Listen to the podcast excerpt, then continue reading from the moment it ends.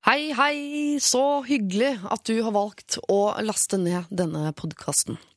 Du skal nå få eh, en deilig time, halvannen, eh, med gode råd, som jeg jo allerede har hørt. Alt det du nå skal oppleve, har jeg allerede opplevd. Det er en syk, syk verden vi lever i. Men eh, det er jo deilig å tenke på, i hvert fall for meg, da, at jeg har fått tilbringe tre timer, som jo showet er opprinnelig, før vi klipper ut musikken og serverer deg det på et sølvfat.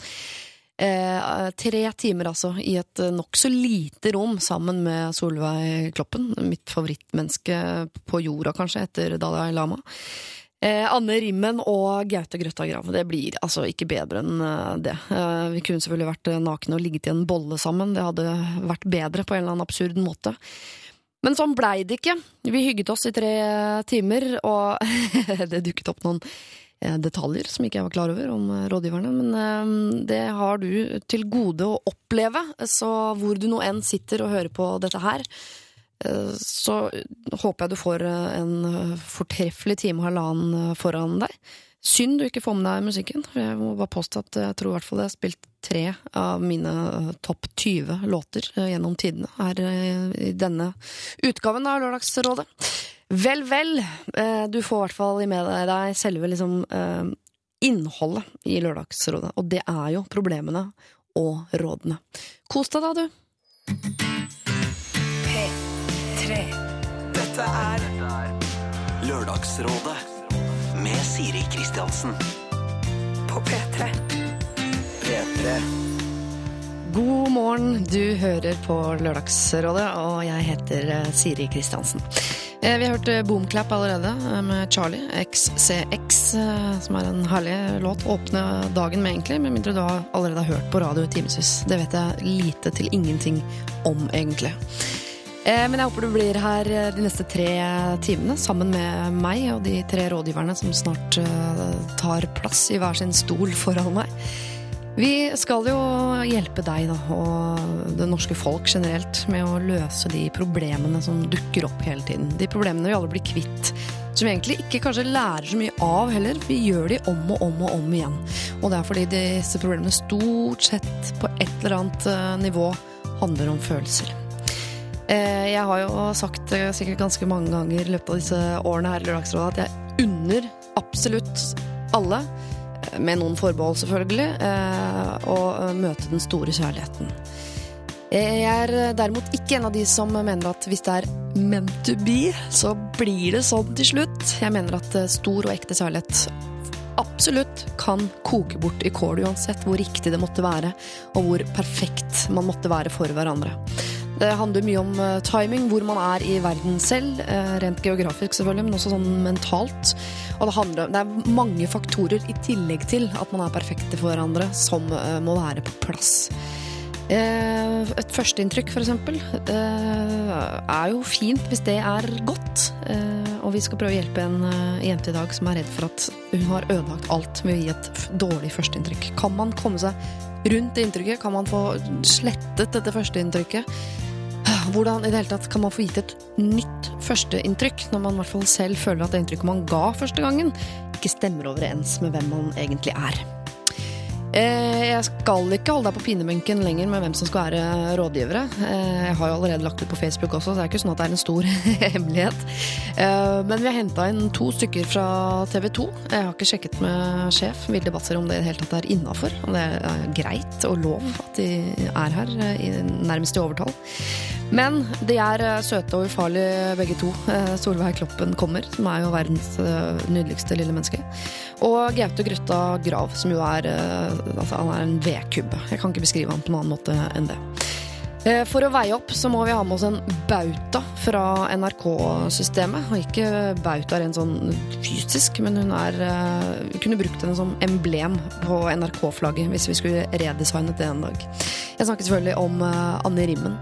Hun har ikke vært rådgiver før, men jeg ser for meg at bak de hvite tennene, det blonde håret og de litt uskyldige dådyrøynene, så skjuler det seg en jævel. Og det skal vi finne ut av eh, i dag. Hvor hun stiller seg i forhold til eh, hvilke råd hun gir til deg.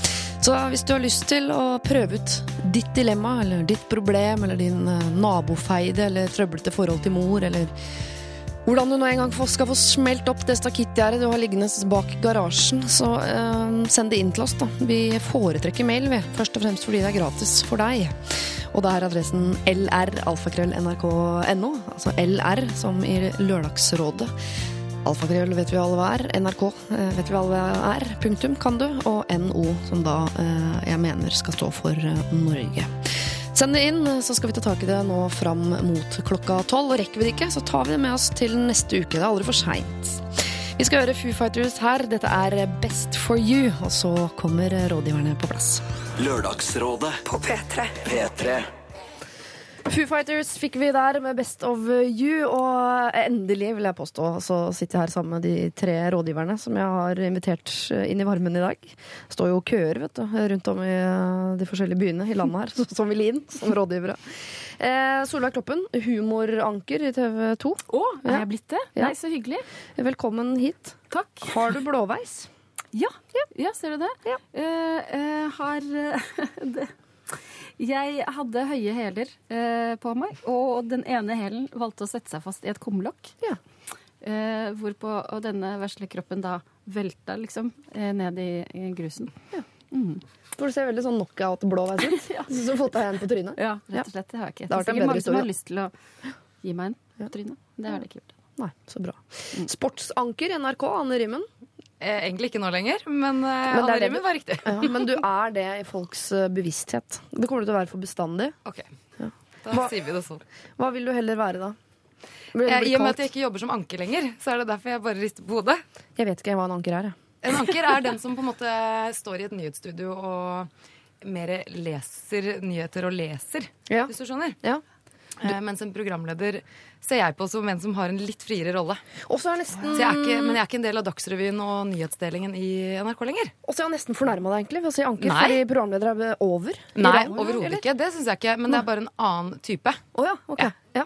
Det er deilig å få oppklart. Ja, eh, for da lurer jeg på vet, hva et humoranker egentlig er. Nei, jeg syns Ja, bare du, at er, du er da, eh, Når de er ferdig med nyhetene og sporten og Ja, været, så så er det nå skal vi over til humor. humor. Da Så leser så du leser jeg. punchlines fra en, eh, fra en maskin. det er sånn jeg tolker den tittelen, i hvert fall. Sporten, været og humor. kommer. Ikke sant? Farmen-anker. Um... Nei, det, ikke sant? det blir feil. Ja, men jeg liker å behandle alle likt, da. Gaute Grøstad Grav, god morgen. Ja, god dag, Siri. Så hyggelig å være her tilbake. Det er lenge siden sist. Ja, men du har vært uh, til fjells, holdt jeg på å si, hvis man kan kalle det der hvor Jeg kommer rett fra innspillingen nå. Ja. Der driver vi på døgnet rundt på gården oppe på Tangen da, ved Hamar. Ja. Fantastisk sesong.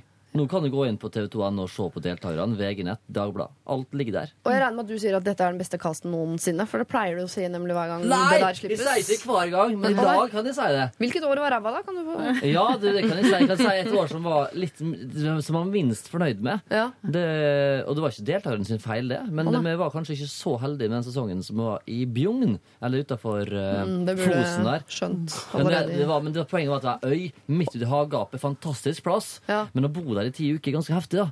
For det var jo ikke trær der. Det var jo dyra. Eh, syntes det var så hardt å være at jeg døde om kapp, liksom. sant?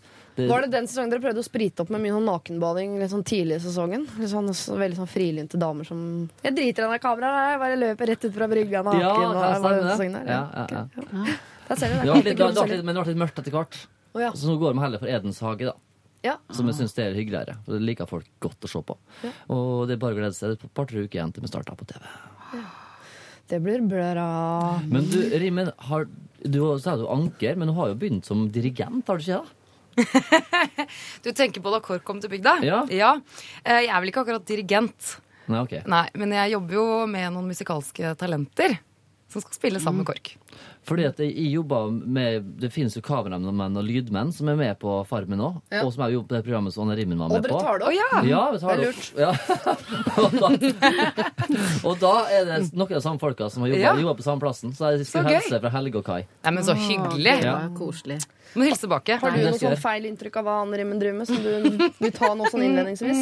Mm, ehm, Spør nei, om er dansk. øh, er, ja, er det dans? Ja! Ja. ja. Ja, ja. Ja. Men og så eh, for- Men og, og, eh, eh, f- folk vil ha det til at du er søsteren. Til eh, Marte Stokstad. Ja, folk vil ha det til det. Men du er jo ikke, har ikke blod, Nei. samme blod. Nei, men eh, min mor er da gift med hennes Ikke sant? far. Ja. Ja. Så vi har jo vært det vi kaller søstre, Ja, det- siden vi var veldig små. Dere kaller det søstre. Ja. Det, men det er viktig å presisere. Marte gjør det- ikke det. Nei, ikke sant. Jeg gjør det. Vi må ta en runde på sivil status. Uh, Gaute først. Du er fortsatt gift, har to unger. Og tata, har En til på vei? Nei, nei, men, men ikke langt unna. For katten vår har fått kids i natt. Nei, det er ikke snorket i det hele tatt. For hør her, katten vår den har jo, den heter Lille Miss, og den har nesten ikke føtter. Hun er født Åh. multihandikappa. Og så er det så nydelig at noen har lyst på henne likevel. Og det Yes. er en katt på ordentlig. Det katt Det viser seg ikke å være en liten jente som har katt. Har du bilder?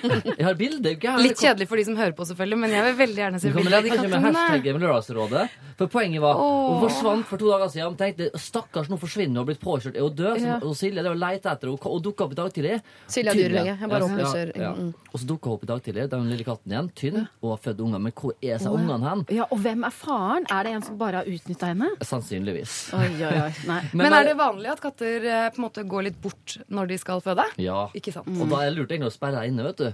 Men det vi har gjort nå, brukte, hun har brukt fire timer av dagen sin på å gå etter den fuckings katten for å finne ut hvor kidsa ligger. da. Så da fant du det her. Inne i låven. Det er umulig å se noe som helst, men der inni den haugen Men du må jo ta bilde av kattungene, ikke Ja, men det kommer her, da. Hvor mange barn var det, sa du? To små. To små. Og Hva der er mora. Å, se på de! De er veldig røde. Ja, ett siste. hva skal du gjøre med kattungene? de Der må man selvfølgelig selge til høystbydende. Ja. Nei, men Ja, mye folk bort Folk kjøper jo katter, har jeg hørt. Så koselig. Ja, veldig koselig. Jeg Det er ikke så glad i katter, jeg, må jeg innrømme. Nei. Jeg syns de er så Merka du hvordan stemninga ble litt Ja, unnskyld, men jeg, jeg syns det, det der at de plutselig bare står der uten å lage en lyd, Ja. syns jeg er Det er som en stor, hårete kakerlakk.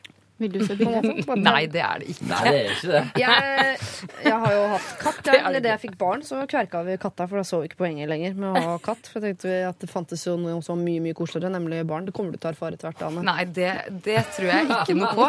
Men de barna har jo glede av å ha dyr rundt seg. Ja, Nei, heldigvis er mine allergiske, så det har jo Heldigvis var allergiske. Men de var litt bekymra for at man sa to små kattemennesker skulle være multihandikappa, sånn som mora, da, på Ja. føttene og sånn.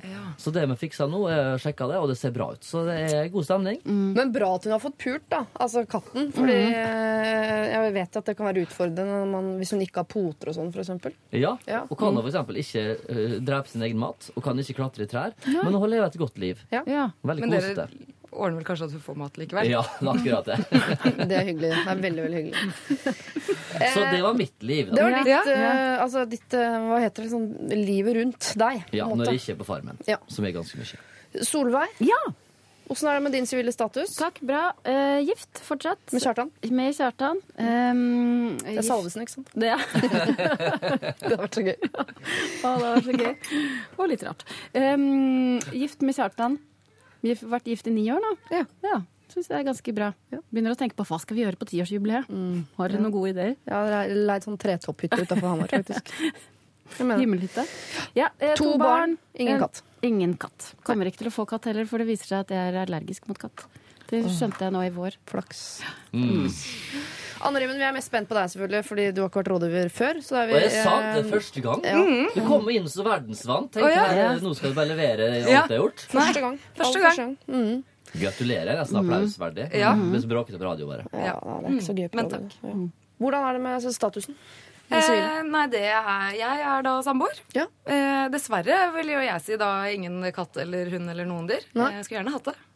Ikke Men- barn heller. Eier dere leilighet sammen? Ja. Felles lån, liksom? 50-50? Ja. Ja. Hvem står det på det? Hvem står det på lånet? Tror du det står på oss begge? Greit. Er nysgjerrig Hvem står dere til lån på?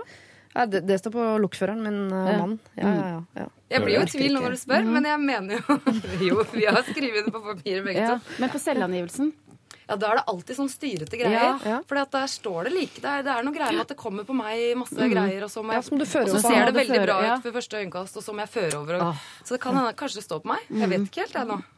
Men du Dette skal jeg sjekke ut. Mm. bor sammen med en eh, ekstremsportutøver.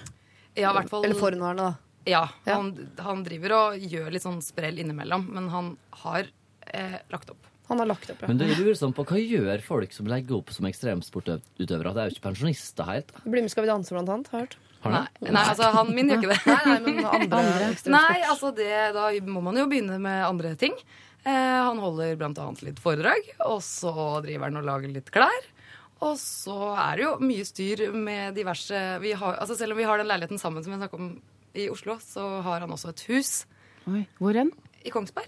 Han valgte Kongsberg. Ja. Ja. Eh, Men så det holder han er- foredrag for den enorme bransjen som også driver med eh, snøscooterkjøring, da, eller? Eh, nei, det var ikke snøscooter han drev med. eh, det er, altså, han holder foredrag for alle mulige bransjer, egentlig.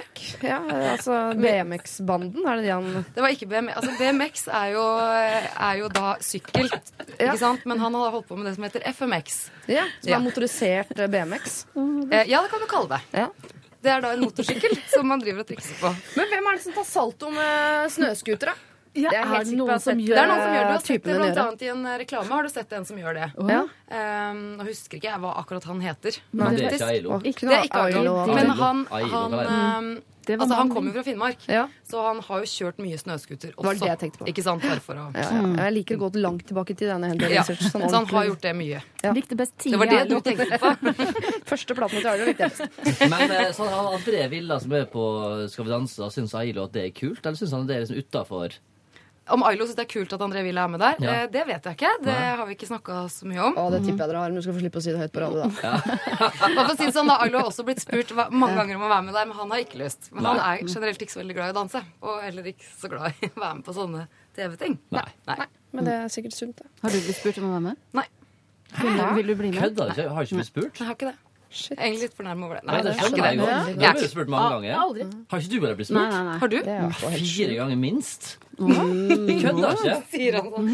Ja, nei, eh, jeg har ikke blitt spurt om det, og syns egentlig det er helt greit. Men Jeg skulle, men jeg kunne veldig godt tenkt meg å lære å danse, men jeg har ikke lyst til å gjøre det på TV. Men du, hadde, du er sånn som hadde blitt veldig god. Som kom for til meg. bønne hele Jeg tror driten. Det. Jeg stopper dere der, ja, for Ja. dette skal jo dreie seg om uh, andre folk enn oss. Ja. Ja, det kommer kanskje som en overraskelse, men det er det Lørdagsrådet egentlig handler om. Eh, så vi skal ta et problem ved hvert uh, øyeblikk. Men vi tar en liten musikalsk uh, pause. Den har jeg kalt uh, Milky Chance, uh, Stolen Dance. P3. Dette er P3. Milky Chance med Stolen Dance har uh, du hørt. Vi har brukt de minuttene den låta varer, på å gå gjennom alle skadene til Ailo Gaup, altså samboeren til Anne Rimmen. Eh, nå skal vi ta morgenens første problem. Um, og det kan virke litt sånn lite og søtt det her, men jeg syns det er relevant. Jeg liker å skulle åpne med det i dag. Hei, Lørdagsrådet. Eh, Det er en gutt på skolen som jeg syns er veldig fin å se på. Han virker som en veldig hyggelig person. Jeg er venn med han på Facebook, men jeg kjenner han ikke noe særlig og tør egentlig ikke å snakke med han. For en god stund siden var jeg på en fest, og siden jeg er venn med han på Facebook, har jeg også mobilnummeret hans. Han var ikke på festen, men en venninne oppfordret meg til å ringe han. I en noe beruset tilstand ringer jeg til han. På skolen i ettertid har han sagt hei til meg i gangene, men det har dabbet av nå. Jeg tror han holder på med en annen jente på skolen. Jeg vil gjerne bli bedre kjent med han, men det er kanskje for seint nå, eller? Hilsen sjenert jente 19 som ønsker å være anonym. Altså det jeg lurer på er, det, Hun har jo allerede liksom gjort et framstøt som egentlig ikke brakte noe mer. Er det da for seint Har hun forspilt sjansen sin, liksom? På han her fyren? Kan øh, Jeg, kan, kan jeg bare stille ett spørsmål først? Ja. Er det sånn at når man eh, for, øh, jeg, er jo novise på Facebook. Er det sånn at eh, når man er, alle får nummeret ditt når du Hvis du legger det ut, så får alle det. Å ja, Men det er valgfritt. Oh, ja, det er valgfritt. Okay. Ja. Ja. nei, da, Så du har ikke stalket han eller gått noe sånn Det, det, det, er, det er Ikke ikke noe sånn Nei, ok, glem at glem at jeg spurte om det. OK. Ja.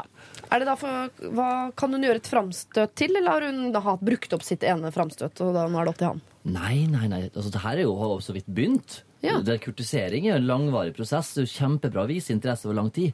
Så nå her gjelder det bare å ta det neste steget.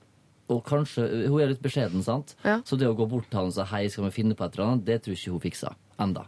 Nei. Så Facebook, hvis det, det er det som gjelder, eller Snapchat eller Insta, eller hva som gjelder på den skolen, men en Facebook som hun har, da, Ja. send en melding. Hei, hva skjer da? Eller Ja. Men, men du, men jeg vet jo faktisk om folk som akkurat ed, var for et par eh, måneder siden. Da bare edda hverandre. Kjente nesten ikke Vi har hørt det var sånne kjente folk der, da. Som Ja. edda hverandre, og så begynte sånn Ja, du da? Og så hæ? Ja, Begynte samtalen med å si du da? Ja, du da? Mm. så Hvor gamle er det? de? Det er Rakel Nordtun og André Via, ikke sant? For den kjærlighetshistorien har jeg også hørt. Ja, Ja, ja, ja, ja. De adda hverandre på Ja. Facebook, og så ble de sammen. Er det sant? Men Ja. jo, jo, det er jo greit, men starta de samtalen med Ja, det var sånn. Du, Og du òg. Ja, ja, det var litt sånn, tror jeg. Jeg tror faktisk det. Ja. Jeg lurer Og så har de fortsatt samtalen på den måten? Ja, det er sånn de forholder seg til hverandre. Ja. Du Men, òg. men, Men du sa jo bare for tilbake igjen til uh, hun som uh, Hun sa at han kanskje drev og møtte en annen. Ja, det vet hun. Altså, han har hørt rykter om at han kanskje holder på med en annen jente og sånn. men hun ringte han på natta, Ja. Og hva sa skrev, det vet vi ikke, men hun har vært full antakelig Ja. Og det var en kjempebra start. Er det det? Ja! Oh, ja. Jeg er Full igjen. Au, au! Har du sett deg? Mm, Sikkert.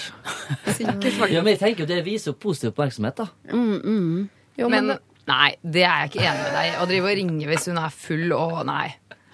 Ja. Det, det syns jeg ikke er kjempesnart, egentlig. Skal jeg være helt ærlig. Og det er jo ikke noe hyggelig å si det nå, Fordi at da får hun jo sikkert enda litt mer angst for at hun faktisk gjorde det.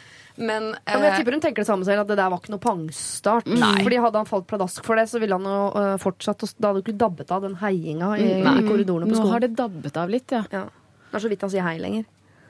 ja men hvis det er så det, vidt han sier hei, så tenker jeg kanskje jo, men prøv Kanskje ikke så veldig jo, interessert. Ja, men hva har hun å tape, tenker jeg da. Ja. Sånn, prøv en Send, en meld, send nå en melding, da.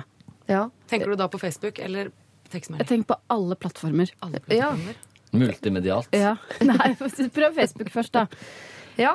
Eh, For jeg, jeg tenker at Han har ikke falt pladask for henne basert på førsteinntrykket, som er at hun ringer han i fylla øh, og si, skråler om et eller annet. det skal jo godt gjøres å falle pladask for en som ringer mm, Ja, men da jeg, Mitt inntrykk av Hvis en fyr hadde ringt meg dritings, som jeg i utgangspunktet ikke kjente, og så øh, ville jeg ikke liksom gjøre noe mer enn å si hei til han i gangen etterpå da jeg, da syns jeg han kanskje er litt sånn rar og masete på en eller annen måte. Ja, og hvis han da fortsetter og som, uh, Nei, jeg, jeg, vet, jo, jeg tror jeg bare hadde dytta meg lenger og lenger unna ved å fortsette å ta kontakt. Så oh, ja. mm, sorry, jeg er litt skeptisk. Jeg tenker at løpet nei, er litt kjørt. husk altså. dere jenter, dette er jo en gutt. Gutter digger at jenter har kontakt. Det er jo helt sjukt bra.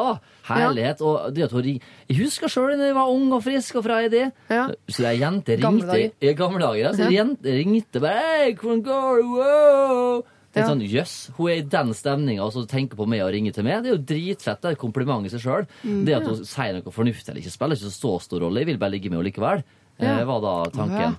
Ja. Og så kommer hun på skolen Hvorfor har du ikke ligget med henne? jo, men, men sant, så kommer på skolen, og så er hun plutselig blitt litt sånn kjedelig igjen. da Litt sånn sjenert. Sånn, og så tenker Ja. jeg at, ja, kanskje, kanskje, han, kanskje angrer seg på at det hun sa.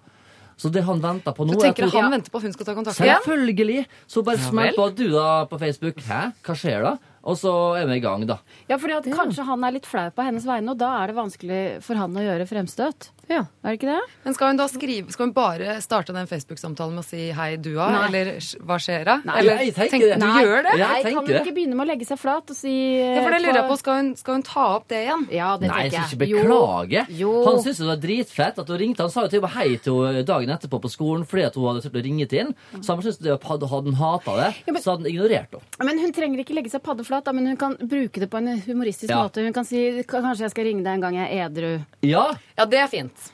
Ja. men ja. det tenker jeg kommer liksom til neste. Hvis du begynner sånn, du da? Ja. Eller hva skjer da? Eller wow, du, kul du, eller? Og så sier han hæ? Hæ? Ja, det hadde ikke jeg sant? sagt også. Det hadde jeg bare, «Å, ja, å, ja, sorry. Jeg, sendte, feil- jeg tror du sendte til bestevenninna mi. Eh, Nei. nei. Ok, Nei. greit. Det var feil. Ok, Men ok, du, da? Eh, Hæ? Eh, og så Og så er vi i gang på noe annet. Ja. Nei. Du skal ikke, skal ikke altså, Hvis vi mener at eh, hun faktisk skal ta kontakt, eh, bare å begynne en samtale litt mer sånn Hei, hvordan går det med deg? Ikke det i det hele tatt. Du, du er veldig på å starte samtalen med Jeg tenker veldig, var litt køddete. den i starten. ungdommelige sjargongen. Er ikke disse overgangene litt rare? For jeg er enig at det er en rar overgang for at hun har ringt i fylla. Det er Ja. noe på og tøff og liksom kanskje vært kul og morsom for alt vi vet. Og så kommer de på skolen, og så er hun en litt sånn sjenert type som har tenkt sånn Hvor blei det av hun kule dama som ringte? Og, da, og plutselig så har han vært sjenert en stund, og så plutselig skal han være sånn Du Ja, nei, på Facebook! ja. Sånn, er du skitso, eller hva Ja, men skriv hei, da. Nei, Hei. ja, eller, Ja. Det er lov. Eller god gammel poking. Det funker det fortsatt? Vet ikke, det er mange som driver med det, i hvert fall. Kødda, eller? Jeg Har ikke fått én poke på siste fem ikke? åra. jeg. Folk poker. Jeg vet ikke hva de egentlig mener med det, men de poker. Det er veldig rar eh, Men jeg tenker at du må legge seg et sted at ikke han skal legge seg flat, Nei. men enten må hun forklare det at hun ringte fylla, eller det at hun har vært sjenert etterpå. Enig. Må liksom Men breake du ikke isen på et først eller skrive annet. hei, da. Nei, ikke skriv hei. Skriv ehm, Eh, Utgreiing. Hei! Nei, ikke utgreiing, men, men skriv sånn som du skjønner. Jeg er tøffere eh, dritings, dritings natt til lørdag enn jeg er eh, på skolen fredag Det er søtt. Oi, Ja. det er bra. Eh, men nå føler jeg meg ganske tøff igjen, for nå skriver jeg til deg. Mm. Nå har jeg tatt meg én øl, så Ja. nå, Nå er jeg sånn midt i. er verken full eller, eller sjenert. Men altså, husk på at jeg er en gutt, så du må ikke begynne å bli for mye på en Nei gang. her. Ikke Nei. Og jeg føler jo mye for deg og har lyst til å bli bedre kjent med deg. Hva skal Nei. jeg finne på? Men det må ikke begynne sånn. Nei da. Men den, den lille introen hun var i gang med, det hadde vært Hva eh, sa ok. du? Hva sa det? Hei. Spor tilbake på podkasten. Hvorfor mente hun skulle si det altså, Nei. verbalt. Nei, du skal skrive det. Skrive. Som du skjønner. Ja. Som du skjønner er jeg tøffere, hva var det du sa? Som du skjønner er jeg tøffere Dritings natt til lørdag men ikke så enn kul. en edru fredag formiddag. ja. Oi, oi, oi. oi, oi. Frett. ja. OK. Det syns jeg faktisk eh, Der møtes vi på midten, rett og slett. Det virker som en, det nærmeste vi kommer en eh, fasit. Uh, Sjenerte jente 19, du ønsker å være anonym.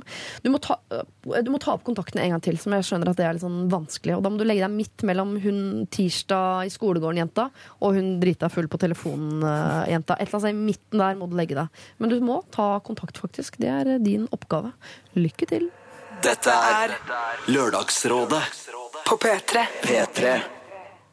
Her om dagen fant jeg et lite kjøkkenhåndkle på verandaen. Det har tydeligvis hengt i tørk hos en nabo, for så å bli ført av vinden ned til meg. Det er tydelig nyvaska, flekkfritt og av god kvalitet, blått og hvitt. Fremdeles uten tegn til å være utvaska. Mine kjøkkenhåndklær er gamle, blasse, slitte, og jeg har planlagt lenge å kjøpe nye, men jeg glemmer det alltid når jeg har muligheten til å oppgradere kjøkkenhåndkleparken min. Så spørsmålet er hva eh, skal jeg gjøre med kjøkken, eh, kjøkkenhåndkleet på verandaen? Bør jeg gjøre en innsats for å få levert det tilbake? Er det ikke litt rart å banke på hos naboer bare for å spørre om de har mista et enkelt kjøkkenhåndkle? Skal jeg henge det opp på en oppdagstavle? Er det ikke litt rart å bry seg så mye om et kjøkkenhåndkle? Eller er det heller skammelig å ennå ikke ha starta prosessen med å returnere det til eier? Eller kan jeg bare beholde det? Her tar jeg imot uh, råd. I bunn og grunn lurer jeg vel på om et kjøkkenhåndkle er verdt bryet. Hilsen nabo med beslutningsvegring 27. Spørsmålet er jo Skal han ta seg bryet med å finne eieren? Er er det nedre grense for hva som er stje Er det å stjele når man tar et kjøkkenhåndkle? Ja, det er jo det. Er det? Altså, I utgangspunktet så er det sånn rent prinsipielt så mener jeg jo at uh, hun eller han, var det en han, Han? eh, sånn egentlig bør finne ut hvem som er det. Men samtidig så er det sånn det er et kjøkkenhåndkle. Ja. Så Ja, hvor går grensa mellom hva som er greit å stjele og ikke? jo, men så er det litt sånn stjel, altså, Hvis du først henger ut ting på Da går jeg ut fra han sikkert bor i en blokk eller et eller annet sånt nå, da. ja. Hvis du driver og henger ut vasketøyet ditt, og det er litt Altså Da må han styre med å gå og ringe på, da. For For han, han vet jo ikke sikkert han vet hvem Og han hvilken etasje det har kommet fra, eller noe som helst heller. For håndkleet har rett og slett flydd av på egen vilje til hans bolig. Håndkleet hadde Håndkleet kanskje sitt ikke bra der det Nei, var. det er akkurat det. Det kan være en grunn til at det havna der. Men jeg tror at hvis hun velger å beholde det Han. Han. han. Hvis han velger å beholde det, så vil han eh, alltid, når han tørker den koppen med det håndkleet, tenke ah, Dette blir ikke ordentlig Denne koppen blir aldri ordentlig ren. Fordi Og den er tilsmusset Ja, eh, moralsk mm, sett. Ja. Mm. Men jeg kjenner jo en som har stjålet et eh, flybelte. Et Flysetebelte. ja, for det var så jævlig populært å bruke som belte en stund. Det. Er Riktig. Du skal være en stålstreng bak på ryggen, og så har du going going Men hvordan får du det? Altså fra et fly? Ja, det var en liten klips. Jeg stjal det eskebegeret. Det, det er veldig ulovlig. Ikke gjør det, for det er Nei, jo jeg bare tenker at det henger jo fast, tenkte jeg. Ja. Hvordan får Nei, du det var lett å få før i gamle dager. i hvert fall. ja, ja. Da Folk gjorde det der. Masse. Eh, han det, altså, Å, den stjal da jeg var 15. Mm. Han syns det er artig å fortelle en historie hver gang, da. Men hvis du kan leve med det, så tenker jeg han kan beholde det kjøkkenhåndkleet. Ja. Hvis, ikke kan, hvis, hvis du, livet blir sånn at å nei, hvis du alltid tenker at jeg stjal det, Mm. eller fikk på en uredelig måte, eller beholdt, eller beholdt, da. Det er jo det, jeg det er ikke stjålet. Han har jo bevisst egentlig gått Nei, og han, tatt det. han har beholdt det. Ja. Ja. Tok vare på, vil jeg Ja. si det Eller så sånn. kan han lage det til en slags hobby. Jeg husker jo da jeg var sånn 18-19 at det var veldig gøy å ta ølglass, stjele ølglass fra utesteder man var på. Mm.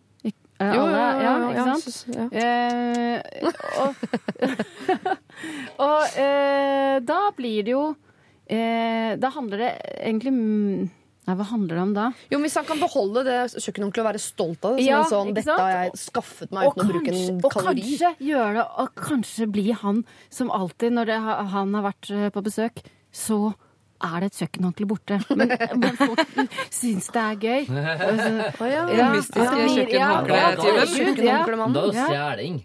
Ordentlig stjeling. Men her var Nei, vi må bli enige om kjøkkenhåndkle er stjeling hør da, eller ikke. nå, nå skal ta en liten parallell til Ja. eventyret Espen Askeladd. Han gikk rundt i skogen og fant en blei og ei daud kråke og mye bra. da. Mm. Han samla, han en samler. da. Og han her er at tinga kommer til han av en grunn. Ja. Det kjøkkenhåndkleet her skal han faen meg ha. For det har jo kommet til han. Av alle de blokkene han kunne velge mellom, så havna det på hans terrasse. Plutselig kommer han til ei prinsesse og trenger å vise dette her håndkleet og bruke det. Og dette er første, eh, Første altså, første steg mot prinsesse og halve Yes. kongeriket. Helt, helt klart. Ja.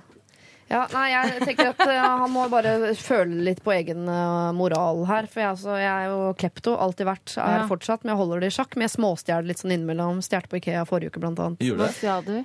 Jeg stjal en sånn eh, som du putter ned i, i kjøkkenskuffer for å ha bestikk i. Ja. Gjorde Ja, det? Ja, ja, jeg gjorde det. Hvordan- Altså. hvordan klarte Sorry, du det? Ikea. Men hvordan da? Du, noe bare ikke, du, du skanna den ikke når du kom til kassa, Nei, eller? for jeg hadde, hadde med meg to, så skanna jeg bare den ene. For det er bare lov å skanne 15 produkter, og det var det 16. Og jeg trengte to og ville ikke ta tilbake lysestakene og de andre Ja, ræl jeg ja. hadde kjøpt. Så da tok Men jeg du, to. det, var helt, det var en bevisst handling. Å ja, ja, ja, ja, ja, absolutt bevisst. Og jeg merket at jeg så da jeg kjørte hjem vekk derfra, tenkte sånn Jeg har en ekstra kjøkkenskuff for 17 kroner som jeg har tatt. Ja. Og det er, men jeg får en god følelse av det, så jeg vil ikke tenke hver gang jeg åpner skuffen og legger gaffelen nedi sånn Åh, den der blir aldri rein. Nei. Jeg vil tenke, Men jeg, jeg syns jo ikke dette det, det er jo ikke det samme, fordi du har jo bevisst tatt med deg Ja. dette Ja, her. absolutt. Mens han har, kan jo ikke noe for at kjøkkenhåndkleet havna på hans terrasse. Kommer naboens unger på døra, ikke behold deg. Det tenker jeg, det er sånn, det er grensa. ja. Men jeg mener også det hadde vært annerledes hvis det, faktisk, altså hvis det var en bukse som hadde Flydd. ned. Ja. Hvis du skjønner hva jeg mener? Altså et kjøkkenhåndkle. Ja, det, er for, det er for lav verdi. Fordelen med Ja, ikke bare verdien, men det er sånn eh, Bryr man seg om kjøkkenhåndkleet sitt? Ja, du kan- gjør jo ikke det. Jo, jeg har kjøpt to på Hay som jeg har blitt lei meg Ja, hvis naboen bare tok. Ja, Ja, men, det mener for, jeg. ja, men fordelen med kjøkkenhåndklær er at de stort sett er ganske eh, bygget over samme lest. Sånn at eh, man, Det naboen, naboen vil jo ikke komme på kaffeslabberas og se, gå inn på Nei. kjøkkenet og se Hei, der henger mitt Har du også vært på Ikea og kjøpt uh, kjøkkenhåndklær? ja, nei, eh, jeg vet ikke om Selv om jeg jo er sjefen her, det håper jeg dere alle vet. eh, Så vet jeg ikke om jeg skal sette eh, Jeg vet ikke om jeg skal avslutte dette, fordi jeg er såpass glad i tjuveraderi at jeg vil jo bare ramle ned på beholde det håndkleet men kan man si til han at hvis det er et Louis Vuitton-kjøkkenhåndkle, så bør han henge det opp på Ja, oppslagstavla? det, enig. da det kan vil- være, altså, Hvis det er et veldig dyrt og fancy kjøkkenhåndkle Ja. Så er naboen din gæren. Ja, Da kommer andre og stjeler det fra, fra tavla. Jeg syns fortsatt at han kan Men da hobby går av det Men å går det an å ikke henge opp kjøkkenhåndkleet på tavla, men å skrive en lapp. Ja. Hei, savner du kjøkkenhåndkleet ditt? Hvis du kan beskrive det, eller noe sånt, Ja. eh, så kom til meg i leilighet det og det. Ja, Så lar Så tar jeg vare på det inntil videre. er fem det, dager, og så er det er det ikke bare fem dager, Nei, da er så er det løpet hans kjørt. Men det er kun hvis det er et dyrt og fancy håndkle. Hvis det er Ikea, så er det ikke noe lapp engang? Nei, det, altså ikke hvis det er Ikea. Nei, ok. Eh, da har vi laget noen grenser her. Er det et Ikea-kjøkkenhåndkle, så bare beholder du det. Hvis det er noe annet dyrere, så henger det opp en lapp, men da må eier beskrive kjøkkenhåndkleet for å få det tilbake. Og maks fem dager. Maks fem dager skal det henge der. Og hvis ingen har eh, ettersøkt etter fem dager, ja, så er kjøkkenhåndkleet eh, ditt. Og da kan jeg du begynne å gratulerer. stjele flere håndklær. Da kan du lage det til. Da kan du lage en sånn kjøkkenhåndklesamling. Mener jeg, da. Ja, Solveig mener det. Lykke til. P3.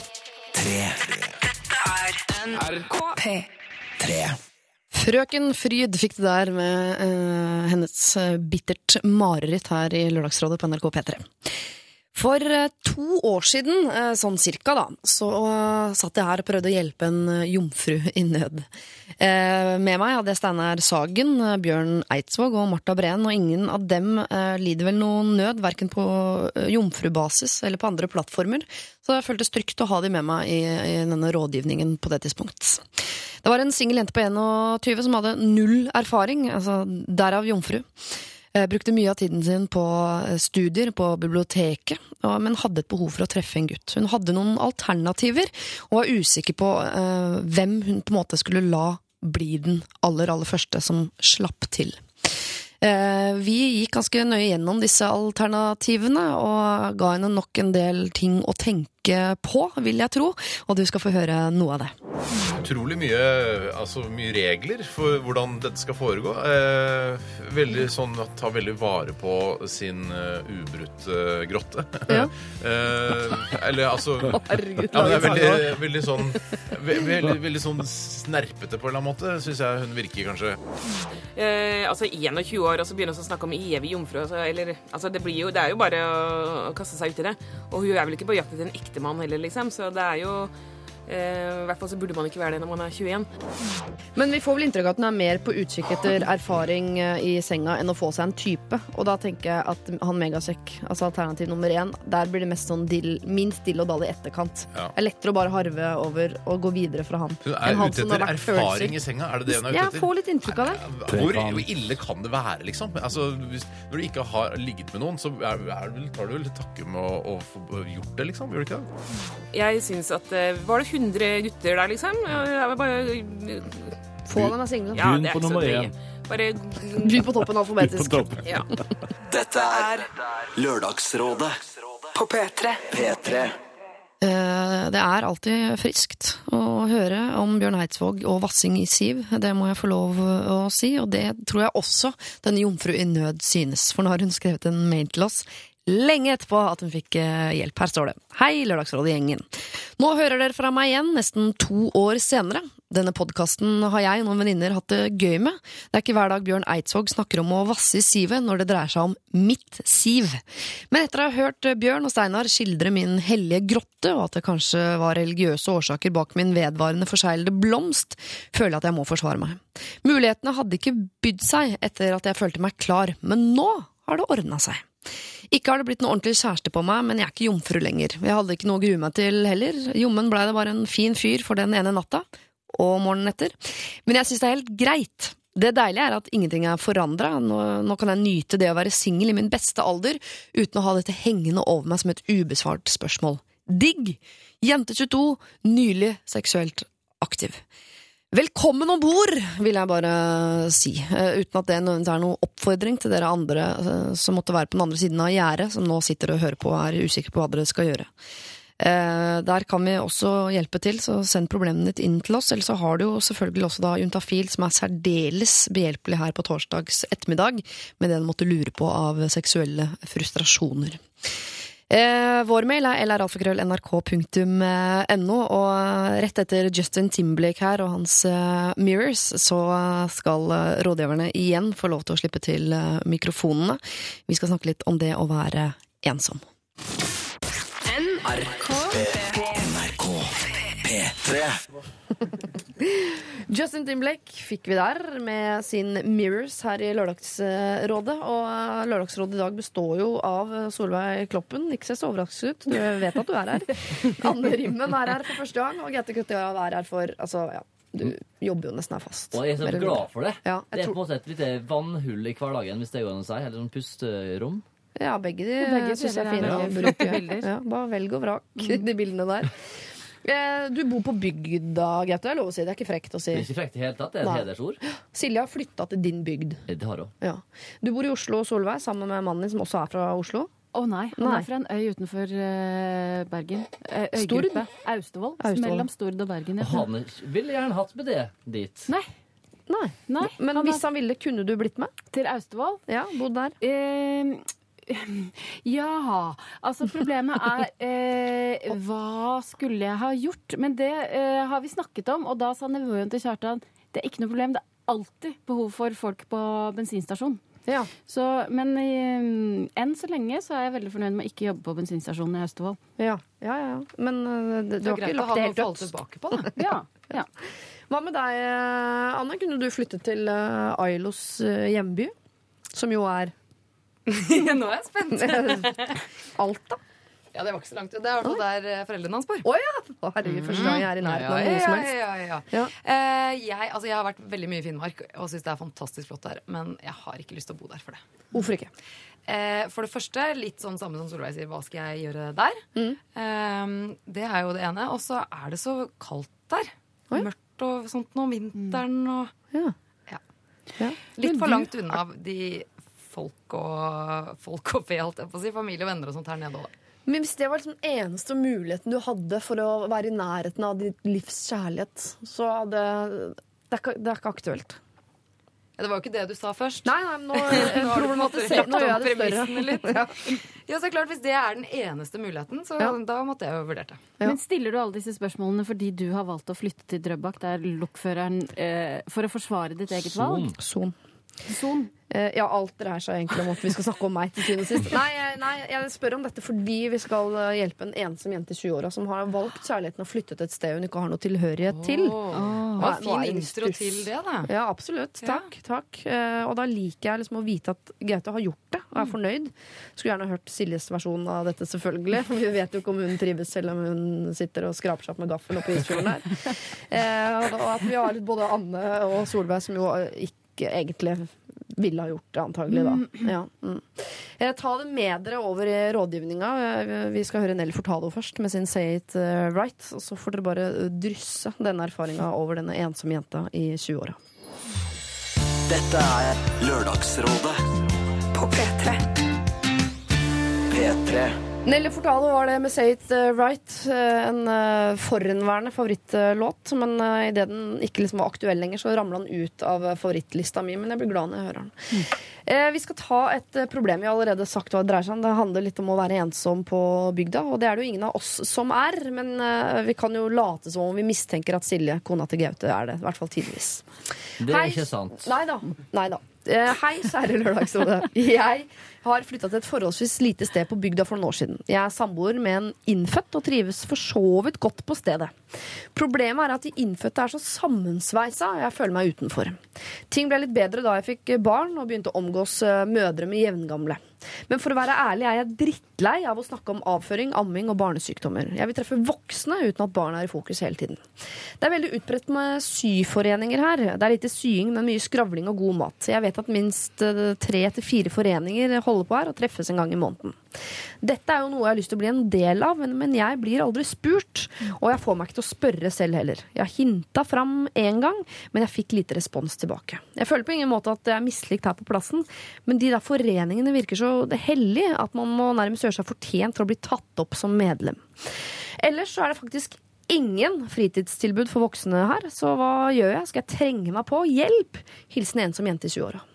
Oi. Ja, jeg skjønner eh, hvordan hun har det. Ja. Selv om jeg aldri har opplevd det selv. Men jeg er så empatisk, så jeg klarer ikke å sette meg Nei. Og så har du eh, sett filmer om det, ja, kanskje? det er kanskje Ja. mer det. Ja. Ja. Hvordan er det oppe i Isfjorden? Er det sånn sy hellige syforeninger der kun for uh, tredjegenerasjons innfødte? Helt sikkert. Ja. Men eh, det er heldigvis mange andre alternativ, da. Oh, ja. Som for eksempel idrettslag og mye sånne frivillige organisasjoner som alle kan være med på. Ja. Og det er veldig viktig tror jeg, å være med, og veldig viktig å engasjere seg, om det er musikk eller idrett eller andre ting som du er gira på, om det er e-dataspill eller hva faen jeg driver med, e-sport. Ja. Ja, Men eh, hun her er jo den klassiske situasjonen at hun er litt for gammel for å henge med de unge, og litt for Mm. ung til å henge med de gamle. Hun er på feil plass ja. til feil tid, rett og slett. For hun bør, bør ikke være der nå. Hun er 20 år. 20 år, altså, jeg er veldig, for, jeg er veldig fornøyd. 20 år, ja. Ja. kan fort være, Det kan være så mangt. Kunne vært 25. Ja, kanskje 27 til og med. Nei! Ja, jo, man bruker Det er jo 20-åra så lenge man kan. Ja, 29-åringer ja. sier det. Jeg tenker at. Hvis hun er i begynnelsen av 20-åra, så hadde hun ikke sagt hun var 20-åra. Nei, det tror ikke jeg jeg tror til og med hun det er mellom 25 og 29. Kødda du, eller? Nei. Men.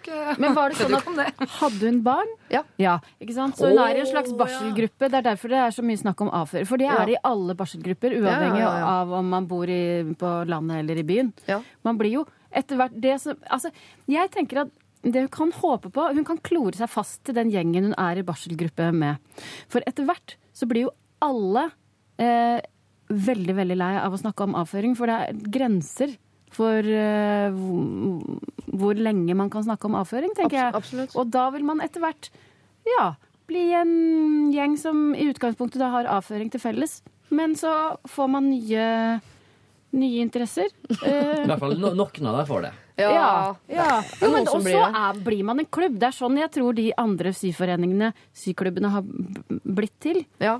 Gjerne gjennom det å få barn samtidig. Men jeg tipper jo de i barselgruppa De er med i to-tre syforeninger hver, men hun får ikke lov til å bli med videre dit, så hun får bare være med i de sosiale settingene som Nav har tilrettelagt for, og ikke, liksom de, eh, ikke de eh, eksterne, som jeg liker å kalle det. da. Jeg skjønner jeg at du vil dit. Det virker jo som om hun har veldig lyst til å være med i noen av de der gjengene der. Ja. Hun sier hun har prøvd å hinte litt og sånt nå, så jeg tenker kanskje at eh, hun kanskje må rett og slett bare ta litt mot til seg og mm. håper å si banke på døra. Ja. Og spørre kan jeg også få lov å være med. Midt i en sånn syforening. Altså, Jeg vet ikke, jeg har ikke så godt kjennskap til sånne syforeninger, men, men eh, jeg bare tenker at eh, hvis hun er da på et sted hvor hun antageligvis ikke kjenner så veldig mange, hun har flytta til stedet hvor mannen kommer fra eh, Hun har jo lyst på nye venner. ja. Mm. Så hun må, krever hun må jo gjøre en liten innsats selv. ja, det for krever å mye egeninnsats, faktisk. Ja, men jeg tror faktisk det. Og hinting er noe folk skjønner veldig lite av. Ja, det er i hvert fall Der er det tydelig at det har jo ikke nådd fram. Ja, og kommer kanskje en annen plass i landet som er en helt annen kultur på hinting. Mm. du Hinting er ikke en kommunikasjonsform. Det er ikke Nei, det, det, nei. altså, det er ingen som skjønner det. Prøv det i et forhold. Men har, er har, har Silje blitt eh, med i en eh, syforening? Er ikke syforening, men det er klart det er viktig å å være frampå og bli kjent med folk. Ja, hvordan har hun gjort det? da? Snakke med folk, da. Det er jo det hun ofte gjør for å bli kjent. Hun legger jo dyra deres i narkose, og så skravler hun med dem. ikke sant? Ja. så blir de Ja. og så Smart. våkner dyret, og så er det gjort. Nei, Jeg er ikke så god på sånn, jen- hvordan jenter blir kjent. Jeg vet ikke så mye om det, men eh, Vi skriver på Facebook til hverandre sånn Hei, you! og så blir Du, det da, ja. ja, du, ja. Skjer det? Men man skulle jo kanskje tro at denne eh, innfødte mannen kan hjelpe henne litt. Ja, for ikke annet ansvar. Ja, Nei, men du, jo, hei, du jo. Nei, men hvordan Jo, skal han ansvar. det? Nå har du dratt Men han har et ansvar. helt han enig. Ja. Han har evnen. Det Nei, det vet jeg ikke, Men, men, det kan han hende han har noen eh, kompiser, for eksempel, Ja. som har noen koner Ja. eller søstre. søstre. som du- ja. Et eller annet, ja. Noen som, han, som det er lettere å kanskje introdusere henne for. da. De kan invitere en annen familie Ja, til seg sjøl. Og, og ikke kalle det middag, sånn der sitte og snakke Trenger ikke å kalle det dobbeltdate. Nei, la oss si, ta med kidsa, og så kan de leke på plenen vår. På søndag klokka tolv til to. Ja, men dere, her må jeg stoppe dere, for at jeg er jo potensielt eh, en sånn eh, Jeg har jo flytta dit hvor mannen min er Ja. fra, og bla, bla, bla. Og vi har masse venner og felles venner og sånn. Men jeg skjønner at de lokale, de innfødte, de fjerdegenerasjons soningene, eh, de har jo sånn klubber med venninner som de har kjent siden barnehagen. Ja. Og du kan ha så god kontakt eh, du bare vil med opptil to og tre i den samme syklubben. Men å være med i den syklubben Men du må du vil der, og det sier seg jo Ja. sjøl. Altså, uansett hvor du kommer fra, så har man jo ofte Jeg er også min eh, jentegjeng fra gammelt av. Ja. Eh, du kan ikke komme inn der nå. Nei? Men sånn er det jo bare. fordi at vi har ikke den felles historien. Nei. Og vi sitter jo, når vi først får samla den gjengen, så er det jo mye prat om gamle dager. Ja. Og da vil du jo for det første også føle deg utenfor. Ja. Fordi at du har jo ikke de samme referansene. Så hun kan ikke forvente å liksom plutselig bli del av en sånn eh, jentegjeng, kall det syklubb, eller hva de nå vil kalle seg. Ja. Eh, Men hvis de har på en måte lange lange bånd og tradisjoner tilbake til barneskolen osv., Sikkert. eh, da tror jeg kanskje ikke det er den gjengen hun, vil inn i. Hun vil ikke inn i den gjengen. Nei, ikke sant. Det er ikke Nei. den gjengen Kan hun skal prøve å komme inn i. Ja, kanskje hun skal lage sin egen syklubb? da? Ja. Kanskje det? Ja. Og så plukke, altså Man kan Hvor- jo virkelig de window-shoppe litt syr. de beste folka. Hvor de faktisk syr. Ja, Det hadde vært artig. Det er, nest, det er nesten et ordspill, at man Mm. syr i syklubb. Men jeg syns du var inne på noe med å kanskje prøve å ta litt initiativ med å invitere noen eh, Ja, en annen familie hvor hun tenker at ja, men hun kona der, hun, Det all right. hun virker som en søt dame som jeg kanskje har noe til felles med. Men hun trenger ikke flere venninner. for Hun har fire-fem syklubber med folk når de har gått i barnehage sammen. Ja, men det kanskje finnes andre innflyttere der òg. Ja. Du veit aldri. Ja, Gå på innflytteren, altså. Ja, det, vil, ja, det tror jeg er et tips. Og, og, og ikke være så kresen på alder, tenker jeg. Nei, gå være- på svigermors venninner. Kanskje de er lei av Dette er ironi, ironi eller er, er det ironi? Nei, det kan jo hende at de Folk er folk, sier jeg. folk er folk. Ja, det er jeg uenig i, faktisk. Nei, sånn jeg tar det tilbake. Ikke gå på svigermors Nei. venninner. Nei, gå på innflytterne. Ja. Altså, ellers har du bygd ungdomslaget, da, som Men- er veldig bra. Men hun er for gammel for det, vet du. Men jeg tenker uansett, det kan jo hende at hun Nå vet jeg ikke helt hvor gammel Jo, hun sa jo 20 år 20 da ble vi ja. enige. 27, 29, sa du? Mm. Ja. 27, 20, okay. Kunne være det. Poenget er at det kan godt hende at hun eh, har noen hobbyer, Mm. har lyst til å kanskje trene eller noe sånt nå. Og det er jo også en arena hvor hun kan møte noen, uavhengig av gjenger. Ja. Ja, for det Si hun, ja. si hun liker å eh, spille fotball, der. Kanskje fins et eller annet sånt hobbyfotballag der. Ja. Men de har holdt på vet du, siden de var Jo, men da har man i hvert fall den felles interessen, da. Ja. Så man kan Men Ja, hør da, hvis ikke- la oss Det som finnes mye nye ting nå, sant? Og, og sa jo det skjer jo ikke en dritt her, sier Nei, hun. ikke en dritt. Så la oss si at det finnes en Facebook-gruppe for den bygda eller det stedet, da. Så sier hun skal vi prøve oss på litt sånn derre Tai chi. Nei, å springe rundt i skogen og så løftes i trærne. Sånne, sånne ting. Ja, sånn en liten time hver tirsdag. Crossfit. Ja, nesten sånn, men ute i naturen. lett, Ikke sånn sånn veldig lav terskel. da. Ja. Og så har hun primus motor for det, så kanskje møter hun én første gangen, og så sprer det seg. Så blir de en ny gjeng. Ja. Vi som liker idrett, da. Kan starte den nye crossfit-gjengen oppi Det syns jeg var gøy. Nok ordspill fra meg. Eh, Jeg tror hun skal ikke være så opptatt av å bli med i de der syklubbene, selv om jeg skjønner at det behovet er der. Ja. eh, hun er jo lei av å snakke om barnesykdommer og amming og sånn i barselgruppa. Jeg tror ikke det er noe morsommere i de syforeningene, for der snakker de eh, om sin egen avføring fra Ja. de var små, antageligvis. Fordi Ja. de er så opptatt av gamle dager. Um, jeg, jeg, Start vært, en egen syklubb. Ja, men Det har ikke vært med så mye i sånne barselgrupper, for det vil jeg aldri være med på. For det finnes jo for menn òg. Det hater jeg. Det er veldig Ja, neste, Ja, ja. utaktisk. Og så, men, men der jentene møtes og snakker om barselting. Det er jo for så vidt greit, for det er jo temaet satt for det møtet. Mm. Men det er jo lov å si skal ikke vi møtes og snakke om noe annet i morgen? Ikke med alle, men om to? Ja, for- Eller ja? Men de klarer ikke det der. Altså, Jo, sånn, jo, jo, Hvis man, Du, men da må man gå har ut og drikke øl. Ja. Ja. Ja? Småbarns med Man- sånne Man trillemødre gjør jo ha ikke det. med Jo, men jo. Man skal ikke ha med barna. Nei. Hvis man går ut og drikker øl, da kan man snakke om andre ting. Da kan man bli en uh, gjeng som snakker om gamle fyllehistorier, f.eks. Med mindre alle de andre i barselgruppa er innfødte, så de har ikke tid til noen ny venninnegreie på kveldene, for da har de syklubb. ikke sant? Så de har ikke flere ledige kvelder igjen. Nei, er du er veldig problematisk. Hun må bare Sorry. flytte tilbake igjen Ja. der hun kommer fra. Flytt. Og Det, og det går ikke, det der. Ensom jente i 20-åra. Uh, 29, da, tenker jeg. Eh, vi skjønner at det der er uh, vanskelig. Jeg tror kanskje det letteste for deg vil være å starte en egen syforening hvor du inviterer den du liker best fra barselgruppa, eller kona til en kompis av kameraten din. Bare lag din egen lille gjeng. Eller så er det det rett og slett å gå på de andre innflytterne. Og være helt åpen om. Vi er en innflyttergjeng i sonen der jeg er. Vi er helt åpne om at vi er litt sånn eh, sosialt utsultet eh, på samme sted. Men du er i en sånn gjeng selv. Ja, det er ikke ja, men, ja, ja, ja, ja, Ingen innfødte? Nei, nei. Nå har vi utvida horisontene våre. Men vi, var en, vi starta en sånn bitter syklubb for innflyttere. Og vi var helt enige om at vi var eh, sosialt utsultet. Eh, og det er, det er lov. Alle innflyttere er enige om det der. Så hvis eh, du ikke er den eneste da, som er innflytter, så gå på de, er mitt tips. P3 Dette er Lørdagsrådet på P3. P3. Vi har hørt Onkel P og de fjerne slektningene med sin myk landing, og før det eh, Broiler med Race of eh, Light. Vi får jo inn masse problemer til Lørdagsrådet, og vi tar imot flere. Så hvis du sitter med et problem, så gjør for all del det alle andre gjør, nemlig skriv en mail til oss. lralfakrøll.nrk.no. Men så er det noen som ikke sender inn mail og ber om eh, råd, som allikevel får det. Og noen ganger er det kanskje for seint. Eh, Vi har jo i avisen i siste eh, sett at eh, Lene Marlin har hatt en om mulig enda tøffere tid enn det vi vel har vært klar over før, nå siste uka. Og bare tenker, hvis, hvis vi hadde vært venninnene til Lene Marlin, eller vi var Lørdagsrådet da for eh, 20 år siden, og hun hadde henvendt seg hit hvordan, hvordan kan man redde liksom en som syns livet er så vanskelig? Har man noen mulighet liksom, til å, å dra det i land? Som som venninne eller som øh, rådgiver på, på radio. Jeg syns det er kjempeheftig problemstilling. Ja, ass. men jeg tenker at det er viktig at man tror på at man kan eh, redde folk, ja. Ja. ja. Hva Men det er ekstremt krevende. Men hva gjør man hvis det er, hadde vært en god venninne av deg, og du ser at nå, nå er hun liksom på topp i livet sitt, men hun har det veldig veldig vanskelig? Hva hadde du tenkt at du kunne bidra med? Um, Vanskelig. Ja, det er så Ja, vanskelig. veldig For jeg, jeg har, har vært ganske tett på eh, noen som har slitt. Um, og man blir jo så fortvila, for det, man føler ikke at man når inn. Du kan ikke argumentere. vet Du Du kan argumentere med Du har det jo så bra på det og det og det, og det. men det spiller ingen rolle. For det er akkurat som en sånn bunnløs svart høl som alt bare blir sugd inn i. da. Mm. Og til slutt kan du bli sugd inn i det sjøl hvis du går for tett inn i det. Jeg tror det, altså, eh, det er jo kjempevanskelig, og det er jo veldig eh, forskjellige på en måte Alle er forskjellige i, selv i en sånn situasjon, da.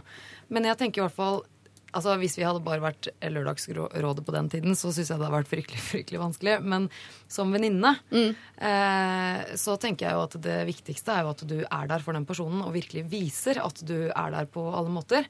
Eh, det handler jo ofte om at de kanskje trenger noen å bare prate med. Eh, Men det er jo? Det er kjempevanskelig, men du må jo kjenne den personen, og du må, du må tørre å kanskje sette deg ordentlig ned og ta dette litt innover deg. da. Ja, for sånn På film så ser man at det fins sånne venninner som ikke gir opp, som eh, drar hjem til deg eh, tre-fire ganger i uka, lager middag til deg, eh, sier 'nå skal vi to til Roma en helg', og jeg veit at du kommer til å si nei, men jeg har bestilt flybilletter, og vi skal dra, for jeg vet at du har godt av det. Bla, blæ. På film fins de venninnene. Mm. Jeg er bare usikker på om det fins på ordentlig. Jo, jeg tror det finnes en stund, men det er noe med at du ikke, når du ikke får den eh, feedbacken, den positive responsen som du kanskje håper på eller nesten forventer, Ja. det er ikke en quick fix, da. Det er så et langsiktig prosjekt. Absolutt, Også- Men så er det jo vanskelig også å vite hva altså, Selv om du sier sånn Ja, jeg vet det er det du trenger, eller jeg vet at det hadde vært bra for deg. Altså, Jeg tror ikke du nødvendigvis vet hva som er bra for en person som er i en sånn situasjon. Nei. Eh, kanskje de trenger å bare eh, ligge rett ut i sofaen og få lov til å skrike høyt. Det er det eller som er gråte. vanskelig. Eller, ja, fordi det er litt sånn Ja, jeg vet at du trenger den turen til Roma. Nei, det er ikke sikkert det er det beste for den personen å tvinge dem ut i en sånn setting som de absolutt ikke har lyst til heller. Så Men samtidig så tror jeg det er vanskelig for dem å be om den uh, hjelpa eller den praten. For det er veldig ofte, det har jeg hørt meg selv si tusen ganger til folk som sliter, om det er liksom fysisk eller psykisk eller hva det måtte være. sånn bare ring, jeg er her, vet du. Si ifra hvis du trenger hjelp. Det er jo ingen som gjør det. Jeg, aldri, jeg tror aldri jeg ville gjort det. ringte opp og sagt sånn, vet du hva, det hadde vært deilig om du lagde middag til meg, for nå er jeg litt sliten. Ja, de er bare å være tilgjengelig for sånne folk, jeg vet ikke om det er nok. Eller om man må være tilgjengelig er kanskje sånn- ikke nok, men Nei. eh, Pågående, tenker du? Ja, kanskje. Men det er vanskelig. Ja, det er vanskelig, for jeg tror det er fort gjort å umyndiggjøre den som, eh, eh, som da sliter. Og, um, Ja. for man har så lyst til eh, Man har så lyst til å handle på deres vegne, på en måte. Og det tror jeg ikke alltid er riktig. Um, Men det er jo jævla rart, da. At man sitter her i det landet vårt som er så innmari bra, og så bare er det så mange mange, mange som faktisk sliter. Drar du til fattige land i Thailand eller Kina, eller sånn, så er det jo ikke det et fokus. da har ikke tid eller penger. er, de har jo si, andre problemstillinger, kanskje. Ja. Men altså det der med å, å eh, si at eh, denne venninnen, eller si hun bor alene, Ja. og faktisk dra hjem til det og si at du, nå har jeg handla inn. Nå skal jeg lage middag til deg Mm. her hjemme. Og så skal vi bare ha en hyggelig kveld. Eh, det tenker jeg i hvert fall er en litt mer sånn aktiv måte å være der for noen enn å bare si 'ring meg', da. ja. Fordi som du sier, det er nok veldig vanskelig hvis du har det tøft, å faktisk ta opp den telefonen selv om du vet at vedkommende mener det godt. Mm. så er det nok en litt sånn høyere terskel for å faktisk gjøre det. Men hvis du da står der og sier Eller sender en melding og sier OK, nå kommer jeg, jeg er på vei til deg nå. Ja. Eh, vil, Vi du trenger ha, ikke å vil du ha cola eller Solo til mm. tacoen som jeg har med meg? Ja. Eh, ja, ikke sant? Vi trenger ikke å prate engang. Vi skal bare tilbringe litt tid sammen. Eh, for jeg syns fortsatt du er topp. og jeg tror at eh, nettopp det jeg, jeg, jeg tror jo på at eh, det hjelper å komme seg opp av den sofaen. Eh, Om ikke til Roma, så og om ikke til Roma, så opp og Gå en tur. Gå en tur. Det høres så Ja, men det er, det er sant, Men, det. eh, Sammen med noen. Jeg tror det er svært få som blir bedre av å ligge rett ut på sofaen. ja. Og så, nå kom jeg på en litt sånn søt ting. De kattungene som du akkurat har fått. Ja. Det er jo faktisk, selv for dere som er allergiske og ikke er så veldig glad i katter og sånne ting, katter eller hunder for den saks skyld, men altså dyr Ikke gi noen en hund som ikke har bedt om det. Nei, Nei. men de kan låne en. De kan ja. for f.eks. passe de kattungene en helg, da, eller hva det måtte være. Ja. Fordi eh, da kan den personen som har det vondt, snakke med de dyrene. Og det, jeg vet at dette høres litt teit ut nå, men det er jo faktisk bevist at dyr har en veldig god påvirkning på mennesker. Ja. Eh, fordi at eh, de tross alt sier jo ingenting tilbake. De bare lytter. De er bare eh, lojale og søte og elsker deg uansett. Og så handler det òg om at du plutselig får ansvaret for noen andre. Du får ikke bare Ja. fokus på deg sjøl. Du må holde det dyret i, Og det dyret må ut og tisse, kanskje, Ja, ja. og de må ha mat, og de må ha kos. kos. Ja, det er Bra, faktisk ikke så dumt. bra, Rimen. Ja, ja, ja. Til å Jeg være tenkte første gang. potteplante, men ja, til å være førsteklasse rådgiver er veldig imponerende. Ja, ja, ja. Hadde ikke trodd det til Nei, nei, det der å gi en katt Jeg pleier å komme først til andre, tredje gang. Ja. Nei, men altså, jeg er enig, Du kan ikke gi bort et dyr til noen som ikke vil ha det, men låne bort. Ja, Ja, i helg liksom, kan du passe bikkja mi i helga. Vi er helt i beita. Gi dem sånn Gi bitte litt ansvar, ansvar. liksom. og, og ikke minst så får de masse kos og søte dyr tilbake. Se Anna litt på katt Mm, Ja. Greit, det er Kan jeg låne den? Ja. eh, Det er litt, litt langt unna. det de tåler ikke å reise så langt når de er så Nei. små. Nei. Nei. Jo. Å, Ja, ja, ja, send deg posten, ikke Nei. Oi, oi, oi.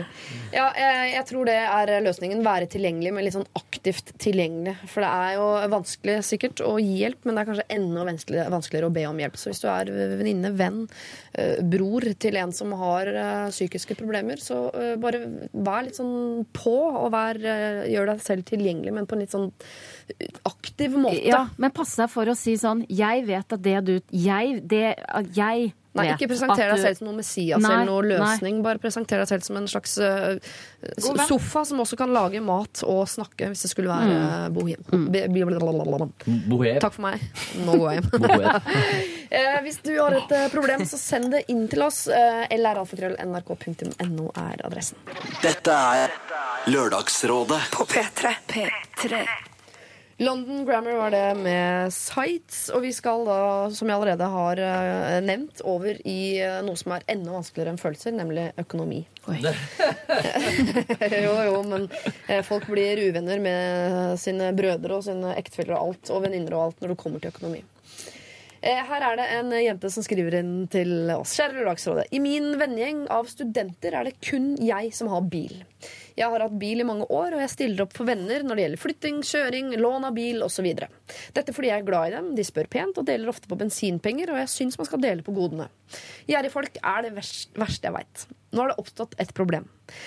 Til helgen skulle jeg og en venninne på en minifestival. Jeg er ikke i form og har ditchet venninnen min litt i siste liten, egentlig, noe jeg vet er dårlig gjort. Venninnen min har andre venner å dra med, men nå mangler hun da bil. Burde jeg låne bort bilen min i helga så denne venninnen kan kjøre selv? Det går kollektivtransport dit, men det er kronglete, og hun må drasse på masse campinggreier og sånn.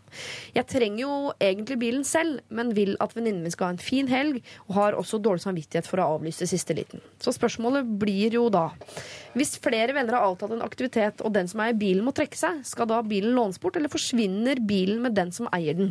Er det egoistisk å ikke tenke på bilen som en del av den felles planen, men som min, og som også er noe da som forsvinner med meg når jeg trekker meg? Hilsen jente med bil. Lett. Ja, enig. Lett. Lett. lett. lett. Men det er ikke sikkert vi er enige for det. Nei, vi sier det, si, skal vi gjøre det som teaterspråk? Som en trehodet troll? I kor? Hva skal han gjøre med bilen? Behold den selv. Beholde den selv, Å Ja, nei, du er enig? Ja, ja, ja, ja, ja, ja. Det er jo hennes bil. Ja, Hun men trenger jo bilen selv. Nei, men hva trenger hun til? Hun skal ikke noe Hun er ikke for, Jo. skal ikke kjøre rundt? jeg Ja, men det, jeg mener at det spiller ingen rolle hva hun skal med den bilen. Hvis det er hennes bil, og hun trenger den bilen, Ja. så spiller det ikke noen rolle om hun er syk eller hva. Altså, kanskje hun bare skal det på postkontoret for Ja. den saks skyld. Ja. Fins det postkontor lenger? Ja, samme det, da. Men poenget er at det er hennes bil. Og hun, hun virker jo eh, veldig søt som driver og syns det er At hun i det hele tatt syns det er et problem. Ja. Jeg mener at nei, det er hennes bil. Selvfølgelig er det Jeg skjønner jo at hun syns det er kjipt å måtte trekke Jo. seg i siste liten når Ja. hun har sagt 'jeg stiller og jeg kan kjøre' og sånne ting. Ja. Eh, men Jeg ringer hun- til Hertz. de kan jo leie en bil, Ja, eller de kan ta bussen. Nei, men hvis det ikke er så nøye for Lån da den bort. Ja, men Hun sier hun trenger bilen. Nei, men hun trenger den ikke til noe viktig. Jo, jo, jo. Nei, det vet jo nei, ikke vi. Lån den da bort. Nei. Det er god karma. Og herregud, venninnene Men kommer jeg til å tror hun har veldig mye god karma allerede, Ja. som er så raus med den bilen sin. ja. Så venninnen der, der tar den bilen så innmari for gitt. da. Nei, Jeg gjør det. sur hvis jeg ikke får lov å låne den gratis. Nei. hæ? Det er masse penger som går rett ut i sluket her på forsikring. Kanskje krasjer, da skal, skal hun stå for egenandelen nå, da? eller? Ja. Ja. Men hadde det vært annerledes hvis hun ikke var syk? At hun bare trakk seg fordi hun ikke gadd i siste liten? For da er det jo, er det jo kjipere. Hvis man er syk, er vel gyldig fravær. Ja, det er det jo. Ja, men det er hennes bil. Ja, det er jo uansett hennes bil. Hvis hun hadde plutselig funnet ut at eh, sorry, jeg jo, har fått et bedre av- tilbud, holdt jeg på å si, ved å ha trukket seg av andre grunner, så er det fortsatt hennes Jo, men man trenger ikke være så men, ja, ja, nei, det, ja, ja, det, ja, det er hennes bil. Ja da, det er hennes bil, men hun kan bare være litt ålreit, liksom. Jo, men det opplever jeg at hun er likevel. fordi at eh, hun kunne også sagt Vet du hva, vi skal på tur, men for en gangs skyld så gidder ikke jeg å kjøre. Jeg gidder ikke å ha med den bilen. Men tror du ikke han har lagt det fram som en pakke i utgangspunktet? Det er genialt, folkens! Ja. Vi er fire stykker, jeg har bil, vi skal på tur. Bare fyller opp med campingutstyr og, og eh, primus og alt baki. Kjører av gårde. Det blir tidenes helg. Og jeg kan ikke være Men med. eh, Jeg må ta bare sagt bussen. det da, jeg har også opplevd noen ganger å være på tur hvor folk bare forventer at de med bil, Ja. de skal ha med bilen, og der kan vi stappe inn alt og alle.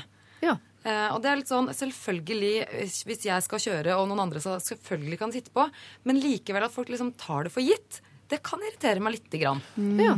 Jeg vet om en jentegjeng som eh, der, der fleste sier bare ja, men jeg kan bare få ben, litt, dele på bensinen, da. Ja. Mens hun ene sier sånn nei, eh, jeg kjører på statens sats.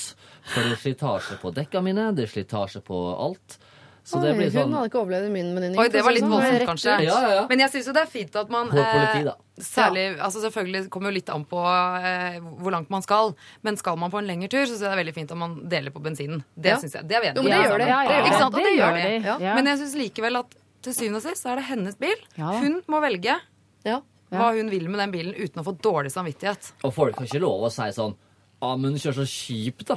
Eh, Jo, men drit i Da hadde jeg bare sagt hvis du syns at det er kjipt, så får det være ditt problem. Kjøp deg en bil Kjøp din sjøl. egen bil. Da skal jeg låne den. Ja. Nei, men Kjøp deg en mye finere bil enn den jeg har. Ja. Så kan vi bytte lånet. ja, det er kult. Ja, det er sånn, plutselig, er sånn det funker i verden. Da. Bare sånn, ja, jeg skulle gjerne lånt blenderen din. Ja, men eh, jeg skulle kanskje lage smoothie på Ja, men du trenger ikke en blender. Jeg tar den. Du har du støvsuger òg. Og så plutselig tar hele huset ditt lånt bort. da, For ikke å være kjip. Men jeg opplever ikke de venninnene som så veldig krevende. De har jo ikke Nei, det er hun her er som har hun en som- sånn ja. Jeg tror bare hun er veldig snill, Ja. og hun er vant til å dele på denne bilen. Men hvis hun er en av de siste gjenlevende snille menneskene på Ja. denne jorda, så, Ja. det, kan- så må, Det må er jo ikke hun drepe det. sitter nå Hun har veldig dårlig samvittighet fordi hun må trekke seg sist liten. Men Ja. Jeg tenker at hvis hun nå lar være å låne bort den bilen fordi mm, en stemme enten inni hodet eller i radioen sier at ja, men det er jo min bil, så kommer ikke hun til å ha noe glede av den bilen Men den ok, helgen hvis altså, hun, hun har trukket seg fordi hun er syk. Hva hvis grunnen til at Hun er trenger å ha den bilen, er fordi hun faktisk må kjøre til legen? Syns du ikke da Skal hun da ta taxi til Ja. legen i stedet? Ja. Fordi, at det dyr vennin- helg. fordi at venninnene skal på morsom tur og må ha hennes bil? Hun skriver yes. hun er ikke helt i form. Ja, men Hun må jo være i såpass dårlig form at hun ikke kan dra på tur. Så hadde hun Men hvis du er i god nok form til å kjøre bil, Ja. så syns jeg du kan dra på en liten festival. Enig. Nei, da, jo, men grunnen liten. til at hun har dårlig samvittighet, er at hun har trukket seg men kunne egentlig dratt. Hun er ikke, så- hun er ikke sjuk, hun er bare ikke helt i form. Ja, men skal hun sende av gårde bilen sin? Nei, jo greit nok ta ett case, men jeg tenker vi må sette en, en regel for resten av verden her. Og regelen er den som eier bilen, har bilen. Ja. Enig. Helt enig. Og Og du kan gjerne være raus og, og låne bort og la folk sitte på og sånne ting. Selvfølgelig. Men trenger du bilen sjøl, så Så er det din bil. Ja, har, har, har du te tanken om at jeg kan hende jeg trenger bilen sjøl? Det er nok. Det er god nok grunn Ja, til det å er ikke det låne bort. Du skal ikke ha dårlig samvittighet for å ikke låne Er bort din så egen bil. uenig. Vi, Men har du mulighet Har til du å være vokst raus? opp- du har vokst opp i Oslo? raus. Det er et godt tips. har du, har du vokst opp i Oslo? Eh, nei. Men har du vokst opp et sted med Hvor er veldig det? mye Hvor er du derfra igjen? Jeg glemmer det alltid. Ja. Lillehammeraktig eller noe sånt? Mm, eh, nei, jeg vokste opp i Gjøvik. Vik i Sogn eh, og på Jessheim. Det er ikke sant. Ok. For nå satt jeg tenkte, Vi kommer fra steder som kanskje er litt mindre. Ergo er det ikke masse busser og trikker og ditten og datten Nei. overalt. Så du er kanskje ikke vant altså sånn, Jo, men, men det skal sies at jeg har ikke, jeg har ikke lappen, så jeg har aldri hatt Du har ikke lappen! Nei. Du er jo en av de venninnene! Ja, det er du som er ho! Her kommer det jo fram. Du er jo en av de venninnene som vil låne Ja. bilen hele tiden. Ja. Ja, det vil du jo ikke, da. Du vil bare sitte på, selvfølgelig. lappen. Ja. Nei, men du vil bare sitte på. Ja. Ja, ja. Der fikk vi jo forklaringa. Når det er sagt Men har, for inn, har du lappen? Inntil det Ja, ja, ja, ja, ja. Jeg har hatt det i mm, fire år. eh, men fram til dette kom fram at du ikke har lappen, som jeg jo egentlig vet når jeg tenker meg om, så var jeg veldig på å trumfe gjennom to mot to, men fuck it, jeg er sjefen, så det går jeg for å låne bort bilen. Eh, men jeg modererer det til eh, Lån, altså hvis det du sier at du trenger egentlig bilen selv Hvis det er sånn, for jeg har lyst til å kjøre ned på Kiwi Som mm. ligger 25 meter unna Jeg tror ikke jeg kommer til å gidde å gå aktig Da låner du bort bilen. Men hvis du faktisk har en plan for den bilen Du skal bruke den selv ja, Så er det din bil. Og da, hvis du blir hjemme, så blir bilen hjemme. Eh, Og det går buss. Folk må bli vant til å, gå, å bruke buss. Buss er fint det, det er jo en bil Bare at den er jævla svær. Så hvis det finnes en buss, ja, så får du bruke buss da dette må du si. Leie bil. Tar ikke med det i, i svaret, da. Leie en bil. Går an, det òg? Hvis de er flere, så kan du jo det. Det blir jo ikke kjempedyrt da hvis de går sammen om det. Men hvis du ligger på sofaen og vet at du egentlig er i form til å dra på festival, Ja. og du ikke trenger bilen, så kommer du ikke til å ha det godt den eh, helgen som kommer. Da, enten så blir du med, eller så låner du bort eh, bilen. Rett og slett. Hva? Nei, nå forandrer du underveis. nei, det er var jo ikke det. Det er midt på. Bilen Nei. må brukes til noe fornuftig, ikke bare sånn fram og tilbake til Kiwi. Nei. Hvis du skal bruke den til noe fornuftig, som for eksempel eh, du må kjøre det spjelka beinet ditt opp til eh, legen i helga, ja, så er det greit. Da Da er det du greit. ikke Da beholder du bilen. Hvis Nei, det er ikke da, da må man å si dere er enige om det. Ja. Vi her på andre enden er ikke enige om det. Men Siri er sjefen. Ja, sier hun som ikke har lappen, som gjerne vil sitte på. Oi, her eh, har du fått alle råd i alle bauger og kanter. Så det jo, du kommer til å ende opp med å gjøre, det merker jeg er at du bruker det rådet som passer deg best. Og det er jo det som er fint med råd. At man hører det man vil høre, og resten det kaster man i søpla. Land bort bilen. Dette er Dette er P3. Jeg håper du fikk med deg eh, Pow Pow og blant annet av deres Alpha Waves da de gjestet Angst Bar eh, for litt siden når Ruben Gran og Kristine Danke hadde sitt eh, forrykende lille show der nede. Hvis ikke, så håper jeg i hvert fall at du fikk den med deg nå, for det er en, eh, ja, rett og slett en forrykende flott låt. Når vi først er inne på hva fikk du med deg eller ei-segmentet, så eh, vet jeg ikke om du fikk med deg eh, denne lørdagen hvor vi prøvde å hjelpe en eh, stakkars ung gutt, Vebjørn, Så var usikker på om han skulle bli blåruss eller rødruss. Han lot rett og slett avgjørelsen være opp til oss her i Lørdagsrådet, og etter mye fram og tilbake så bestemte Lørdagsrådet seg eh, for, det var da eh, Christer Torjussen, eh, Kari Slottsveen og Trond-Viggo Torgersen for øvrig, for en uke siden. Vi bestemte oss for rød. Jeg Jeg, mulig jeg har trumfa gjennom noe greier der, altså, men jeg husker at jeg var ganske bestemt på fargen eh, rød. Og Vebjørn skriver til oss hei igjen, Lørdagsrådet har bestemt, eh, og russeklærne er bestilt, fargen ble rød. Jeg har for så vidt ikke noe problem å skille meg ut og være han blårussen blant de røde, men jeg gjør som dere sa, jeg er en sau. Veldig greit det også, egentlig. Dere har kanskje rett i at de peneste jentene er blåruss, og Kristin Torjussen kan slappe av, altså. Det blir ikke en russebuss til tre millioner kroner. Takk for hjelp med valget. Hilsen Vebjørn, sau og rødruss til våren. Og så hadde vi også et eh, problem som er eh, Jeg vil påstå at det er unikt, for jeg tror ikke dette er et problem som veldig mange går rundt og bærer på. Det var en eh, jente i et eh, forhold som på et eller annet tidspunkt tidlig i forholdet hadde eh, sagt at hun var delvis døv til kjæresten sin. Eh, det var etter eh, at hun ikke hadde hørt på han i en eller annen forbindelse, hvor han eh, begynte å gråte, og hun hadde ikke fått med seg i det hele tatt hvorfor. Og for å redde situasjonen så sa hun beklager, men jeg er delvis døv, så jeg har ikke hørt at du har sagt noe som helst. Nå har de vært sammen i noen eh, år, og hun har ikke klart å komme seg ut av en løgn som hun faktisk har inkludert hele familien sin i. Vi anbefalte henne vel blant annet da eh, å å bare ta det opp på en litt søt måte. Legge det fram som en litt sånn artig eh, greie, og bare prøve å gjøre seg så, eh, så morsom og søt som overhodet mulig. Hun skriver her, kjære Lørdagsrådet, tusen takk for de gode rådene vedrørende min situasjon der jeg løy til kjæresten om å være delvis døv. Dere rådte meg til å være ærlig, og det har jeg vært.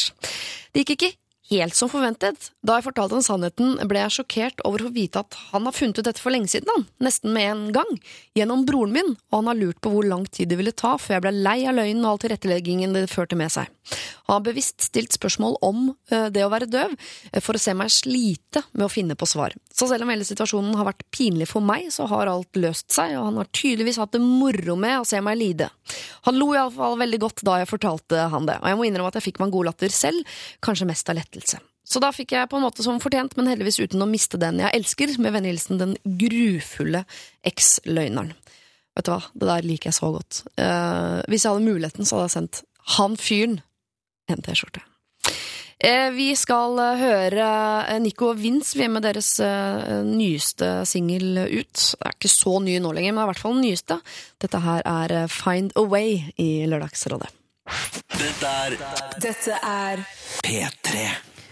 Nico og Vince var det med sin eh, pompøse eh, Find a Way her i Lørdagsrådet. Og det er egentlig fint med litt sånn pompøst nå. Vi skal inn i en litt sånn eh, stort og svulstig problem. Det var en mail som var altså så lang. Nå har jeg kuttet bort kanskje halvparten av den, men den er fortsatt veldig veldig lang. Jeg vil bare si det. Eh, Gaute Grøtta Grav, Anne Rimmen, eh, Rakel Nordtømme, som jeg liker å kalle deg til, Solveig Kloppen. Dere har litt like navn, beklager. Eh, jo, Den ser Jo jeg ikke jeg. Smak jo, litt på jeg det. ser det. Ja, Jeg det er ser bra. det. bra. Begge blond, i hvert fall. Ja. ja, men jeg mener at Litt sånn fast navnene og er gode i like. kroppen òg. Solveig Kloppen, Rakel Rakel Nordtømme. Nordtømme. Jo. Det er likt sånn di, di, di, di, di, di, di, og Mm, samme jo, jo. bokstaven og så videre. Mm. Ja. Tenk litt på det. Tenk litt på det. Tenk litt på det. STU, RSTUV. Ja. Og faktisk Kjartan minner litt grann om han Ja, men det er fint å vite. Har han tre villa? Oi. Så Men noter i hvert fall, da, for det er, her kan det dukke opp Oi. både Oi. det ene og det andre. Det er godt, for Anne Rimmen har nemlig ett ark hun Ja. kan notere på, så jeg håper ikke Jeg fikk låne, Jeg fikk låne et ark. det er nok med ett. Ja, ja, ja, det er ikke sånn. Tar du på stikkord da Kjære? Lørdagsrådet. Jeg har en kjæreste. Han er rimelig god på å være kjæreste. Han er omsorgs omsorgsfull og snill, godtar mine urimelige utbrudd og humørsvingninger, og er generelt opptatt av at jeg skal være trygg og fornøyd. Vi har vært sammen noen år og vært samboere i noen måneder nå, og som en naturlig følge av det har våre mer negative kvaliteter blitt mer synlige. Det som setter seg litt på tvers hos meg, er at han har fordommer mot det meste. Overvektige, religiøse, innvandrere, kvinner i enkelte situasjoner, barn, eldre, homofile, turister, utviklingshemmede, narkomane, folk som ikke har fullført videregående, til og med bydeler, byer, ja, og flere land. Jeg gir noen eksempler. 90% av andre bilførere er idioter, hjelpeløse, inkompetente, har fått lappen i posten. Min kjæreste elsker i tillegg å kjøre opp i ræva på bilen foran, bremser aldri før han må, bryter vikeplikt for både biler og fotgjengere dersom de nøler litt for lenge. Alle kvinner i typ serviceyrker, kundetelefon og offentlige institusjoner er dumme nek, uavhengig om de har gjort eh, noe de kan kritiseres for. Jeg vet at andre mennesker forstår at hans meninger nødvendigvis ikke er mine. Jeg syns bare det er vondt å høre min fine kjæreste lire av seg sånn dritt. Og at han har en så fiendtlig innstilling mot alt og alle som han ikke kjenner. En annen ting er jo da våre fremtidige barn. Mitt verste mareritt er å få barn som ender opp like intolerante og usikre og aggressive overfor verden som han. For jeg forstår mye av tankegangen hans, om ikke alt. Eh, Og jeg forstår at det grunner i hans usikkerhet. Han liker ikke eller er redd for ting han ikke kjenner til. Men hvordan får man noen til å legge fordommene sine på hylla? Hvordan får man noen til å skjønne at de fleste eh, religiøse ikke er eh, ekstremister, og at folk flest er hyggelige? Jeg lever etter regelen om at folk ikke forandrer seg, og at det heller ikke er rettferdig å be dem om det. Men jeg vet ikke hvor lenge jeg vil holde ut med en partner med så motstående holdninger og et så ulikt syn på livet som meg. Og er det i det hele tatt forsvarlig å dra et barn inn i et slikt regnestykke? Eller er det jeg som er urimelig her, som burde ta meg sammen og godta han slik han er? Hilsen sliten og frustrert optimist. 30 år. Oi. Eh, Han er veldig snill mot henne. Liker jo Men henne, veldig det, mange da? fordommer Ja. mot veldig mange menneskegrupper. Ja. Det var en, altså, han er ikke en hyggelig fyr. Det er bare så enkelt som det. En kjip fyr. Ja, for han mener det virkelig. Det er ikke bare noe han, en tone. Ja, for Han kan være han litt sånn morsom og som alltid har Ja. en eller annen sånn uh, Ja, det er humor går på å slenge dritt om ting. Da. Det kan man jo kjenne. Kvikkas. Ja. Kvikkas på feil hun måte. sier jo at han er verdens snilleste og omsorgsfull og alt det greiene der. Det rimer jo ikke egentlig helt med han fyren som er så kjip. Eller i hvert fall har holdninger Ja, hvis, er så negative. det, hvis vi kan bruke den ene lille myke delen av hjertet sitt på henne, da. Han altså, bruker opp alt det gode ved seg selv på henne, og så har han bare bare Det handler om hva han er, da. For det er jo Ja. veldig lett bli, gå inn i et spor. Og så har kanskje fått positiv feedback på det. Morsomt. En så, å, jævla nek, eller «Nei, Han blir den fyren som alltid slenger en litt sånn negativ, morsom kommentar. Mm. Uh, og da gjelder det å begynne å skru på det. Jeg vet ikke om hun sier det til henne, eller sånt. Uh, kanskje det er en sjargong i den Mm. gjengen hans. Altså alt skal være drit rundt seg. Har det egentlig ganske bra, men alt er dårlig. Ja. Det er veldig irriterende med sånne folk. da Som uansett, Du får et kjempebra måltid, så er kanskje der poteten der litt sånn svidd, så fokuserer du på det Ja. i stedet for alt det kule andre som er i måltidet. De er nok litt sånn grunnleggende forskjellige. Som, altså hun er kanskje litt mer positivt innstilt til uh, verden, mens han kanskje er litt mer negativ innstilt, da. Ja. Uh, vi får jo håpe, som du sier, at det kanskje bare er en sånn litt sånn dårlig vane han har. Eh, at han eh, kjefter veldig. Jeg synes jo for eksempel det der med de, sånn som han oppfører seg i trafikken, hørtes jo bare ut Det er bare håpløst. Ja. må han bare skjerpe seg. Men og, jeg kan jo, jeg også slenger ut med sånn Herregud, du har fått lappen i posten og Jo, jo, flytta, du har ikke noe i trafikken å gjøre. og, Sitter at sånn sitter og og slenger. Ja. sånn inni din egen bil når de andre Men det må liksom legge seg helt opp i rumpa på bilen foran og sånne ting. Nei, det Eh, må man ikke gjøre. Nei, så Da kan du risikere at han foran bare begynner å bråbremse. Ja, Det gjør jeg. bare for, ikke sant? For bare sette standarden at eh, OK, skal du ligge baki der, da kommer du til å kjøre på meg. hvert. Bare vent. At du får den litt sånn tilbake i fleisen. Men det er jo å si at hun er 30 år, midt i akkurat like før på skal unger og sånn, og han kommer ikke til å forandre seg på et kvarter. Nei. Nei. Og hvis hun går rundt og er livredd for at han skal påvirke ungene, så gjør han jo det. Og hvis, ja, det, det blir jo det. Jeg skal gjenta en setning Ja, her ja, som har brent seg fast i mitt hode. Mitt verste mareritt er å få barn som ender opp like intolerante, usikre og aggressive overfor verden som han. Altså Hvis du er sammen med en fyr som, som du kan si dette om Mitt verste mareritt er å få barn som kan minne om sin far. Da, A, da kan du ikke få barn med han. eh, og du kan ikke være sammen med han. For du skal være sammen med en fyr som du tenker at er et godt forbilde for. Altså, jeg Ja. håper at mine barn blir akkurat som sin far. Da mener jeg både gutten og jenta. Og det, er jo, det må jo være noe av poenget. Ja. Hvis du tenker at det verste i hele verden er at barna mine blir som han, da kan ikke være sammen Nei, kom deg Sorry, unna. kan sammen. Nei, Nei, for han, det går ikke an å forandre han. Fordi at det er nesten imponerende å komme, komme på så mye negativt å si om andre. Altså, Hvordan klarer han det? Ikke bare si om Liksom, andre, men om din egen mann. Ja, Nei, men også han. At han Altså, han- nei. Kom deg bort. Kom deg ut. Ja. Ja, Det er rart at hun sier så mye positivt om han, syns jeg egentlig helt tatt. At hun klarer, klarer å fokusere så på det. Hun, han er, han er jo tydeligvis veldig snill overfor henne. hun, Sånn at hun, Ja. ikke sant? Så at han Men det er rart, det igjen er. altså. Mm. hun, nå må hun for en gangs skyld være litt negativ. Nå Ja. må hun klare å se, Ja. klare å se uh, det, hva som er gærent. Ja. Og det er alt med Og hvis fyren. han skal forandre seg, så tror jeg det må skje uten henne. At han må måtte, ja. Så lenge han kan surre og gå. Eller at han får et ultimatum, selvfølgelig. At hun sier det at eh, jeg liker deg veldig godt sånn som du er overfor meg, men den oppførselen din overfor omtrent alle andre, det er ikke greit. Eh, I utgangspunktet så er jeg faktisk klar for å pakke bagen og gå. Mm. Men hvis Nei, Ja, men det så ikke- ja, men så klarer han liksom- ha seg en uke, og så blir hun gravid, og så er vi ja, bam! tilbake igjen. tenker- Ja. Ja. Ja. ja, men Er det ingen måte at han kan Nei. eh, Nei. snu sitt tanke. Ikke i det forholdet. Nei. Det tror jeg Ikke ikke. han, ikke han, han, hun må slutte å være sammen med han, og så blir han i- får en hjertesorg. Mm. Og så hva er det med meg? Jo, du må ø, ø, endre det. Ja, det har du helt rett i. Jeg må endre meg for et nytt liv, Mm. finne en ny dame og starte på nytt. Jeg tenker så starter på for hun her, da, hvis han da klarer å endre seg med en ny dame i Ja, stedet. Ja. life. Sånn er Ja, det dessverre. Ellers Sånn må er han finne en dame som er like negativ. Det Jeg er sikker sånn, på at eh, ungdomskjæresten til Hitler syns sikkert også at han var en innmari hyggelig fyr mot henne. På en eller annen måte. Så jeg vil bare han Litt her drøyt kanskje å sammenligne han fyren her med Hitler, eller? Syns ikke det? Nei, jeg syns aldri det er drøyt å sammenligne Hitler med noen. Ja. Så langt har vi kommet. Eh, Jeg, er, jeg bare trumfer gjennom her jeg, og sier eh, du må ut. Han eh, Ikke bli Eva Braun. Nei, ikke, ikke bli det. Du må dumpe han fyren her, og kanskje han blir til et bedre menneske på utsiden av eh, deg og dere. Og da er det kjipt å se at det toget der eh, gikk. Eh, Men dere to kom aldri til å få det bra sammen. Du kan ikke være en sammen med han her. Oh, Ja, ja, ja. Hvis jeg ikke finner en bedre fyr, så er det et nytt problem. Så skal vi klare å finne en fyr til det. Vi har dere, har dere en liten, liten bunke her med folk som er hyggelige? Absolutt. Og det fins ikke statistikk på dette, her, men jeg føler meg likevel ganske sikker på at det fins menn der ute eh, som klarer å være hyggelige mot både deg og surprise! Også andre mennesker. Gratulerer. De fins faktisk der ute. Ganske mange av dem. Eh, vi vil vite hvordan det går. Eh, Ja. Si ifra til oss. Dumpet du han? I så fall fordi vi sa det, eller hvordan gikk det? Og har han blitt Alt det der vil vi vite. Send det inn til samme sted du sendte problemet ditt. lralfakrøll.nrk.no. P3 Dette er Lørdagsrådet på P3. P3. High As A Kite var det der med sin eh, Darth Vader. Jeg syns hun synger Darth Vader veldig rart i den sangen. Enig, det har jeg tenkt til- på. Jeg prøver å synge med, men jeg får, jeg får ikke til å si Darth Vader sånn som hun gjør det. Ve- Nei, men det er øh, på det noe slutten der. der. At det, er, det stopper veldig fort. Det, det, Nei, det er ikke A, det er noe. Ja, det er noe rart der. Ja. Jeg skjønner ikke. Jeg skjønner ikke. Men jeg er misunnelig. Jeg skulle ønske jeg fikk det til. Eh, vi skal eh, ta et eh, problem som vi har hatt det før, men plutselig er dette enda mer intrikat. Eh, man har jo naboer som bråker. Og det kan være flau type bråkelyd, eh, altså typen typen høylytt sex, men her er det altså et ekstra element. Bare hør etter. Kjære Lørdagsrådet.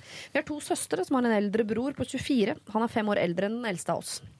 Han har prestert å bli sammen med bestevenninnen til den eldste av oss. Litt rart i starten, men ikke noe vi tenker på nå. Men etter gjentatte ganger med høylytte seanser i senga til alle tider av døgnet, er hun ganske lei og frustrerte. Det er tross alt ikke så moro å høre på storebror og venninna hoppe i høyet når du spiser frokost før du skal på jobb. Den yngste av oss har prøvd å signalisere at eh, nå skal jeg sove og dere bråker, til liten nytte. De fortsetter. Like før dette konfronterte jeg, altså eldst av oss, til bestevenninnen min med å si på byen huset vårt er veldig lytt, til eh, å bare få en flau venninne som tullet det bort. Greia er at jeg er veldig ofte på byen når det blir kalt for partyparet her hjemme hos oss. Så ofte er sengekosen i beruset tilstand. Vi har ikke verdens beste forhold til broren vår heller. Han kan være følsom og bli lett sur og gretten. Så hvordan håndterer vi situasjonen uten å komme inn i en negativ situasjon eller vise negative følelser i eh, forhold til deres forhold? Hilsen ufrivillig tyvlytter. Altså Her er det to jenter på 19 og 16-aktig. Storebroren har blitt sammen med bestevenninna til hun på 19. Og de eh, eh, boller og holder på Og de har gått rett i hintefella, de venninnene. Mm. Ikke sant? De har prøvd Søstrene. Søs- Ja. ja. Men veldig tydelig hinting, da. Ja. Ja. ja. Men husregler er jo til for å lages. Ja. Men ja, ja få høre husreglene. Skal du skrive ned? Ja, skriver ned. Ja. Ingen høylytt sex etter 23. Nei, jeg vet ikke. Det er vanskelig. Men han er jo 24 år. Hva gjør han hjemme? Jeg skulle, jeg det skulle jeg til å si òg. Hvorfor må de fortsette å bo sammen alle sammen? Det er ikke kjempeslitsomt. Ja, flytt. Ja. Skal få Ha, altså, til å de, flytte ut, dette paret Koselig at dere har funnet hverandre, men nå må dere rett og slett ut. Ja. Men jeg skjønner at de er sikkert litt nervøse for å si fra for hardt. Fordi Ja. de vil ikke liksom De vil ikke at det skal framstå som om de ikke godtar det forholdet. Men jeg kan ikke si det, da. At vi syns jo det er kjempehyggelig at eh, dere er kjærester. Ja. Men uh, vi syns det er kleint å høre på at dere driver og har dere. Ja. Jo. Det skjønner de jo. Ja, ja, men det er vanskelig. Ja, Settingen er vanskelig. Det ligger vanskelig i munnen. Åh, for det er så vanskelig å, å Ja, snakke om sex, rett og slett. Jo, det er fordi at Du har fått ordet. Hva med at neste gang det skjer, så banker man hardt i veggen? Ja. Så slipper man å snakke om det. Men det Ja. er bare et signal. Dere vet hva vi, dette tegnet, dette, dette signalet betyr. Dere skjønner at vi hører dere. Ja, vi hører det. Ja. Slutt. De vet jo det. Ja, men de glemmer det fordi de er så fulle da, hver gang de har sex, virker det som. Ja. En Eller? ting jeg brukte å gjøre av var ren vannvare, holdt jeg på å si, er at de har en tendens til å banke på å gå inn. Altså, jeg venter ikke på OK, jeg banker på og går inn til folk, da. Uansett. Ja. Du, bank, bank, For hei, sånn hei. gjør man det i Isfjorden. Ja, sikkert.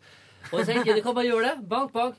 Nei. Nei. Skal du se Nei, meg, nei, Nei, det vil vi ikke. Nei, nei, nei. Nei, du vil ikke gjøre det. Men da vet du at her er det ikke lurt å drive på, for her kan du ha folk når som Ja, helst. men tenk deg det, altså Greiene er at de er jo ikke mer sjenerte enn at de syns det er greit at de to søstrene skråstrek venninnene hører at de har seg. Ja, men de sikkert vet det, jeg skjønner det. det. er jo bare- De skjønner det når hun ene sier sånn Du, det er veldig lytt i huset vårt, og sånn, så skjønner de vel det. Ja. Og da tenker jeg kanskje ikke de er mer sjenerte heller enn at eh, Å, At de bare, synes- ja, bare ja, kom Ja, det. Ja. Det er dere som syns dette er flaut. Nei, uff. Ikke drive og banke på. Du vil jo ikke se det. Nei, det tenker jeg bør Enda være en å generell eh, leveregel. Ikke bare bank på og gå inn. Nei, Nei da, og det har jeg lært meg nå. Ikke sant? Ja Ja. da, vi snakka Ja. om før. Å ja. Eh, Ja, så nå har jeg lært meg banke, og så Ja. sier folk vær så god, og så kan Da du gå inn. Ja, Hva, det er jo- eh, hva opplevde du som gjorde at du byttet levesett? Nei, jeg opplevde ingenting. Jeg fikk tilbakemelding på at det var mest vanlig å gjøre det sånn. Ja, Så jeg tenkte, ja, men da Ja, får vi gjøre det. det jo- Ja. Ja, men det er ikke alt man bare veit. Sånn med den saftige historien om foreldrene dine her nå, men det er greit. Ja.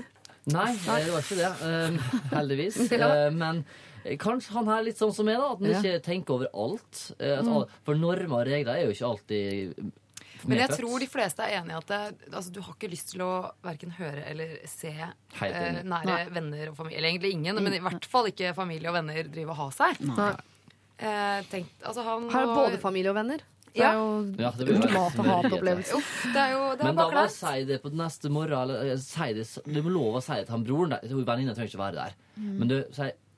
Veldig fett at du er sammen med henne. Det gjør oss ingenting. Det er kjempekult, det. Men eh, vær så snill, kan dere ikke prøve å ligge sammen hjemme hos henne mest? Eller ikke Det er så lytt her. For under normale omstendigheter så tenker jeg det er flaut å si, men det, er enda, det skal i hvert fall på papiret være enda flauere for de det gjelder. Ja. Mm. Det som er krisa her, er hvis de er litt sånn par som da ler og tuller og syns at det er helt sånn kul. Yeah. Noen har hørt at vi har sex og det, vi er lite crazy og partypar og la, la, la. Men gjør det så flaut som mulig. da. Jeg hadde sittet ved frokostbordet sammen med mutter'n og fatter'n og venta på at de kom ut med hver sin sånn knullesveis litt sånn eh, kleine dagen derpå. Og sittet og venta og tatt det opp i plenum sånn Ja. Eller enda verre, det. faktisk ta opp de lydene. spille var- Spille på den ja. frokosten. Ja. Kjenner dere dette igjen? Ja. Ikke sant det er kleint å høre på? Det syns vi òg. Jeg statistikk. Du kom etter ca. Ah! 3 15 minutter. Altså bare, ja, men gjør det sånn ordentlig kleint. Men de, familien må jo sånn ha det som en sånn moro greie. At det går sport å gjøre det så kleint for de her som mulig. De må i hvert fall på en måte gjøre det veldig klart at dette syns vi ikke er noe gøy. Vi har ikke lyst til å oppleve dere i den settingen. Jeg tar det sånn fra helseperspektiv. Hvor lett er det å sove i den støyen her? Ja. Spille av. Ja. Ja. Men må moren og faren være til Nei, stede? ja. Mor og far må inn i bildet. Oh, Nei, okay, jeg ville ikke gjort det først. Det er. Deres hus, de er under deres tak. Men som jeg vil litt tilbake igjen til at hvis han er, er han 24 Ja. Ja. Ut. Det kan kanskje være på tide at han finner seg et eget sted ja, med hun nye kjæresten. Helt enig. Han må flytte ut. Så hvis, han sender, hvis du, bror 24, sender inn en mail til Lørdagsrådet og lurer på om du skal flytte ut, ikke gjør det. For det, vi sier bare ja til det. det, har vi- det vi allerede vedtatt. Du skal- det ja. skal du faktisk. Du skulle flytta ut for mange år Ja, siden. etter 19 så er det på tide å komme seg ut uansett. Ja, det, altså, det gjelder egentlig deg, søster også, og helsemann. Ja. Du må også flytte ut. Ja. Ja, men- ikke flytt i Det, samme kollektiv. det hadde vært Som. eh, letteste for hennes del. Da slipper hun å ta det opp. Ja. Var litt tidligere tidlig Hun var sikkert russ 16. om et halvt år. Så det er Hvis du er 19, så kan du flytte hjemmefra. Ja. Ja, men er ikke russ nå, Nei, da? er man 18. Hæ, jeg blir 19. Å ja, så er jeg ferdig videregående? Ja, ja, ja. Hva faen gjør du hjemme, da? Det hadde vært kom- det letteste for henne. Da slipper hun å ta opp den kjipe greia med Ja. broren og venninna. Og med stikke av fra søsteren? På 16? Nei. Eh, nei. Nei. Ja, det ville jeg ikke gjort. Ja, det hadde jeg gjort. Nei, men Bare kan ikke bli boende hjemme fordi at eh, du ikke skal ha lillesøster Så de kan høre på storebror sammen? Men i utgangspunktet så er det jo i hvert fall han eldstebror. Eh, han Han må i hvert fall eh, skjønne at nå er det på tide å flytte ut. Han må Ja. ut. Eh, driver med voksenaktiviteter, og da Da skal jeg komme flytte ut. Ja. Ja. Det er sant. Ja, det er er, bør være en husregel. Idet du har ditt første samleie, Flytt ut. flytt ut. Ja, og så kan Tenk deg Finnmark, hvor det er masse 13-åringer som søker etter sted å bo. Bokollektiv fulle av 12- og 13-åringer. Nei, men du, du, et- etter å ha ditt første samleie, så får du valget vil du bo eller leve sølibat. Eller vil du lydisolere rommet? Ja. Ja, For det kunne de jo også, selvfølgelig. Ja. Det er jo mer sånn praktisk Ja. eh, måte å løse det på. Eller satt dem på loftet. Ja. ja. Fyll rommet hans med eggekartong før han kommer hjem neste gang. Det er gøy. Eh, jeg tror eh, rett og slett her at det høres ut som broren deres er en uh, fyr som ikke uh, Altså, Det virker ikke som han bryr seg om noe. Han har glemt å flytte hjemmefra. Han glemmer at han har høylytt sex. Og det hele tatt. Det virker ikke som han har noe hemninger i livet. Uh, Få han til å flytte ut, og i mellomtiden så gjør dette så kleint som mulig for dem. Altså, bare, her er det bare å måke på og pøse på med opptaker og far og mor og onkel og tante og naboer. Og bare gjøre det så flaut som overhodet mulig. For her har det vært tydelig hinting. De bryr seg ikke. Ja, da må vi skru det til og ta det ett hakk opp. Og det er det dere skal gjøre nå. Dette er Lørdagsrådet På P3. P3. Pokal for deg tusen ganger til, har vi hørt. Og før det Ariana Grande sammen med Z, Break Free. Eh, vi har tid til et siste problem, folkens. Ja. og for alt jeg vet, så er dette et problem dere kanskje til og med har selv. Jeg aner ikke. Oi. Her eh, står det, det er fra Bjørn. Kjære rådet. Der jeg jobber, har vi et lite treningsrom i kjelleren. Det, der står som regel radioen på. Og her om dagen kom det en eldre fyr eh, innom for å pumpe litt, tro det eller ei. Ganske raskt skrudde han av anlegget, som da spilte MP3. Det var ikke den beste musikken kloden har å by på for de eldre, kanskje, men det var nå iallfall litt trøkk og energi i den. Bedre enn total stillhet, i hvert fall når man trener. Hvem bestemmer hva som skal spilles eller ikke spilles på fellesarealer? Og hva gjør jeg neste gang? Hilsen Bjørn. Den er artig. Så bra vi blir litt ivrig, alle Jo, sammen. men Det er artig, men jeg er ikke noe, der er jeg også veldig klar på hva jeg mener. Ja, jeg er veldig klar på hva jeg mener. Ja, ja. spennende. Ja, Ja, alle er veldig klare. Hvem bestemmer hva som skal spilles? Jeg mener at den som kom først, bestemmer hvilken musikk som skal være der. Jeg er helt enig med Anne Rimmen. Jeg Yes. mener at den som kom sist Fordi eh, For den må også få bestemme litt. Nei, men så kommer regelen. Hvor lenge varer økta? Ja. For Hvis dere snakker om han- etter to timer eller en og en halv time, da, og han fyren fortsatt er der, han tydeligvis bor der, og så kan da komme forslag. Du, så kan vi prøve å, noe annet. Men uten musikk på et idrettsanlegg sånt treningsstudio, det tror jeg ikke funka så bra. Jeg syns også det er litt drøyt at han kommer inn og bare skrur av. Uten å si Fordi én ting er hvis han hadde vært og kommet inn og sagt Uff, jeg er ikke så begeistra for den musikken der. Eh, Kan vi prøve å finne noe musikk som vi begge liker? Mm. Det hadde tross alt vært noe litt annet. Men han bare kommer inn og bare skrur av. Det syns jeg ikke er greit. Er ikke det litt typisk? Sorry, det virker som om eldre folk er sånn Nå har Ja. jeg levd så lenge, så nå må folk bare Ja. respektere det. Så jeg, nå folkeskikk alt. Fuck det. Nå, hold- nå skal jeg ture på til jeg Ja. dauer. Ja. Ja, det, Ikke greit. Ja, det gamle folk provoserer meg ofte hvis de går i den, eh, den retningen der i livet. mange. Veldig Mm. mange gjør det. Ja, det er Mange noe gjør som ja. Ja. Men skal man ha litt respekt for de eldre i form av sånn Så klart, Må men det er derfor jeg også på tenker Jeg skjønner jo at det, som han selv også sier her, at det er nok ikke den type musikk eh, som de eldre syns er mest gøy å høre på. Men eh, jeg, jeg blir jo provosert da når han eh, eldre mannen kommer inn og bare skrur av. Ja. Hadde han kommet inn og på en måte uttrykt litt misnøye med den musikken, så hadde det kanskje vært litt lettere å, å foreslått at la oss finne noe vi begge kan like. Kanskje Men det var litt hans- høyt. Altså, det var så Kanskje det var for høyt. bare, åh. Det kan hende. Men det er liksom noe med bare hele holdninga, da. At du bare kommer inn og bare skrur av. Det går Da hadde jeg blitt irritert. Men jeg vet ikke om jeg hadde turt å gå og sette Nei, den på igjen, da. Nei. Det hadde jo vært det kuleste hvis han bare hadde Skrudd på igjen, ja. Ja det, Når jeg går fra en sånn plass, Ja. så har jeg vært der først og satt på den type musikk som var der. Jeg bruker ikke ofte ta med meg egen, men jeg har sett på det som står der. Så bruker jeg å spørre deg som er i studio, hvis det er en til, da, på det hotellet jeg er på nå, for eksempel. Så er jeg sånn eh, Skal jeg la det stå på, eller skal jeg skru av? det er veldig fint, Gaute. Ja. Ja, det er det. Ja, men det er det. Fordi for denne gamle mannen som kom inn i For alt vi vet, så hadde ikke Bjørn heller satt på MP3. Det sto på fra forrige mann. igjen. Så kanskje Bjørn egentlig likte, men han er ikke av typen som bare skrur av. Så kanskje det plutselig er det syv stykker på treningsstudio og ingen liker MP3, men ingen tør å skru av. Men det veit man jo ikke hvis man ikke spør, liksom. Og det er jo ikke en konflikt Jeg tenker eller kanskje at det, altså, eller tør å prate med de rundt deg, i hvert fall når du kommer inn i den der settingen der. ja. Ikke, ikke bare. Det, nå, men det er mer tips til han gamle mannen. Ja. Ja, men Han hører ikke på Ja, han hører ikke på Jeg, jeg kan ofte virke litt skummel sikkert i strålen, med fantastisk store muskler mine og pumpa jern vet du, i en sånn Det vil jeg der- tro. Ja, Ja. veldig skummel. Så kommer det folk inn, Ja. og så sier jeg sånn Ja ja, klar for ei økt? Du kan ofte si bare til folk. Ja. For å bryte isen, da. oh, ja. For jeg synes det er jævlig kleint å gå rundt i to timer med en fyr som ikke er helt Trent så lenge. Du sa Ja. to timer. Ja, en halv, da, kanskje, med litt med, med mølledriten først, sant, for å få, få opp oh, ja. Og så da, er det sånn, ja ja, bare sånn for å bryte isen, og da kan du liksom si sånn Ja, oh, så skru av musikken. sant?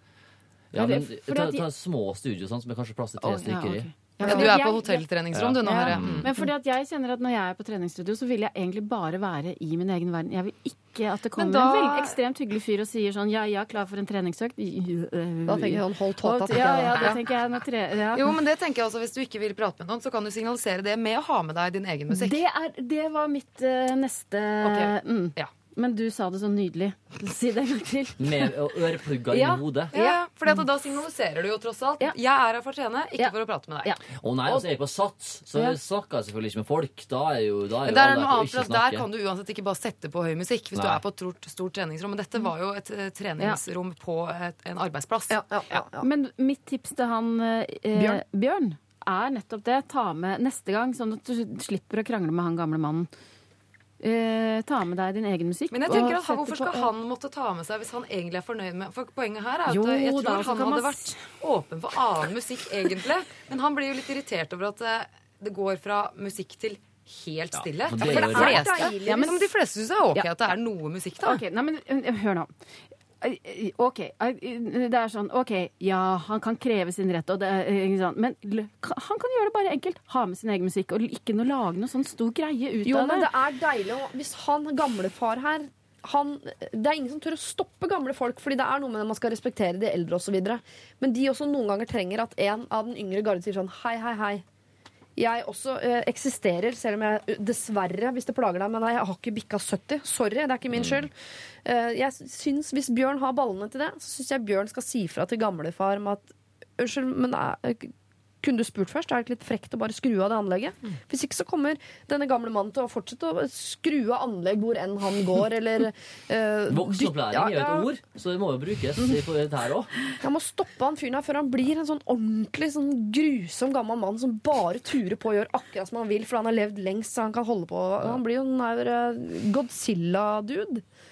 Sorry, jeg ble, jeg ble veldig provosert over sånne folk. Og jeg tør ikke å stoppe det. Jeg sitter jo bare og ror i sinne. Og at Ja, for det er jo det som er De fleste av oss ville jo gjort det. Ja. ja, og det er Du blir irritert, men du tør vi ikke å si noe. Bjørn om å si ifra. OK.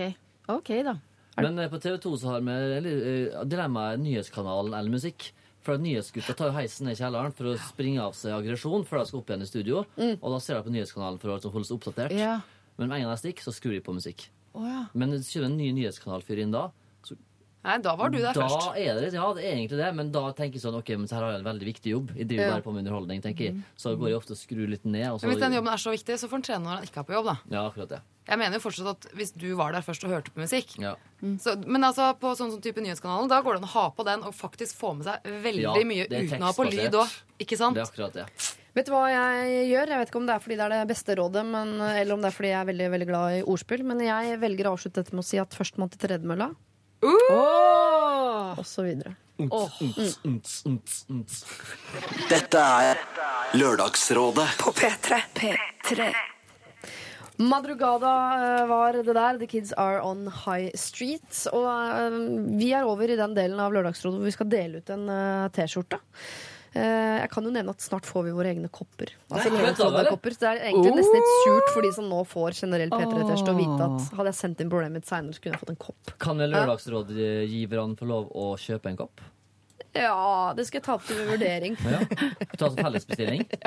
Jeg skal vurdere det Ja. ganske hardt, faktisk. Du det? Ja. Ja, jeg er veldig glad i kopper som vi har vært med i ting på. Ja. Å ja. Den der, sånn Allsang på grensen-koppen min er jeg veldig glad i, faktisk. Men da er du spesielt interessert, så skal i hvert fall du få Og. Senkveldkoppen er jo kjempefin. Ja. Har jeg ikke fått. Ja, jeg har ikke fått den, nei. nei riktig, riktig. Det, er, det er to kopper de har. Og så er Letterman-kopp. Da er var gjest der. Nei, ikke det. var ikke det. Da tenkte jeg nå er det noe jeg ikke har fått med meg. Ok, men Enn så lenge er det T-skjorte som skal deles ut. Jeg skal si hvem som er dagens kandidater til det. Vi hadde en uh, ung jente som er redd hun har forspilt sin sjanse til å komme i kontakt med en fyr på skolen, som hun ringte i fylla, og siden den gang har de sagt hei, men nå begynner det å dabbe av.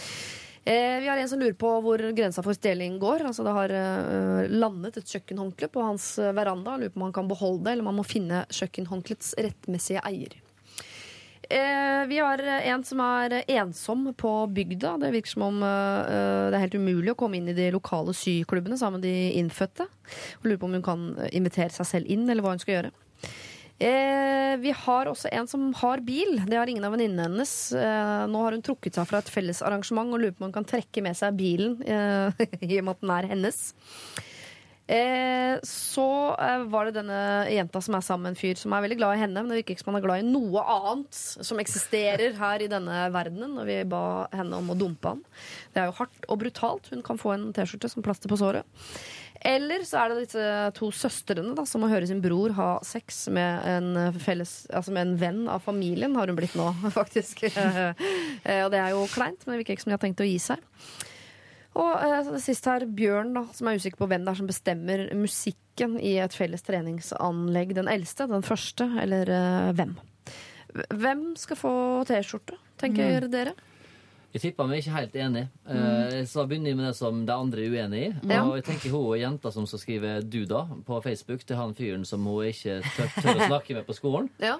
Hun kan eh, godt få skjorta, for da slipper hun å si noe annet enn å bare gå med skjorta og vise sånn Ei, og så har Hoi, har du vært på Lørdagsrådet, du, eller? Ja, jeg snakka om det, faktisk. Nå, ja. Jeg tenker faktisk litt i samme Nei. gata, men ikke samme Er dere ikke søsken, samme. dere også? Nei, nei, men ikke, samme, ikke helt samme. Men litt av samme greiene. Jeg tenker er hun på bygda. Oh, ja.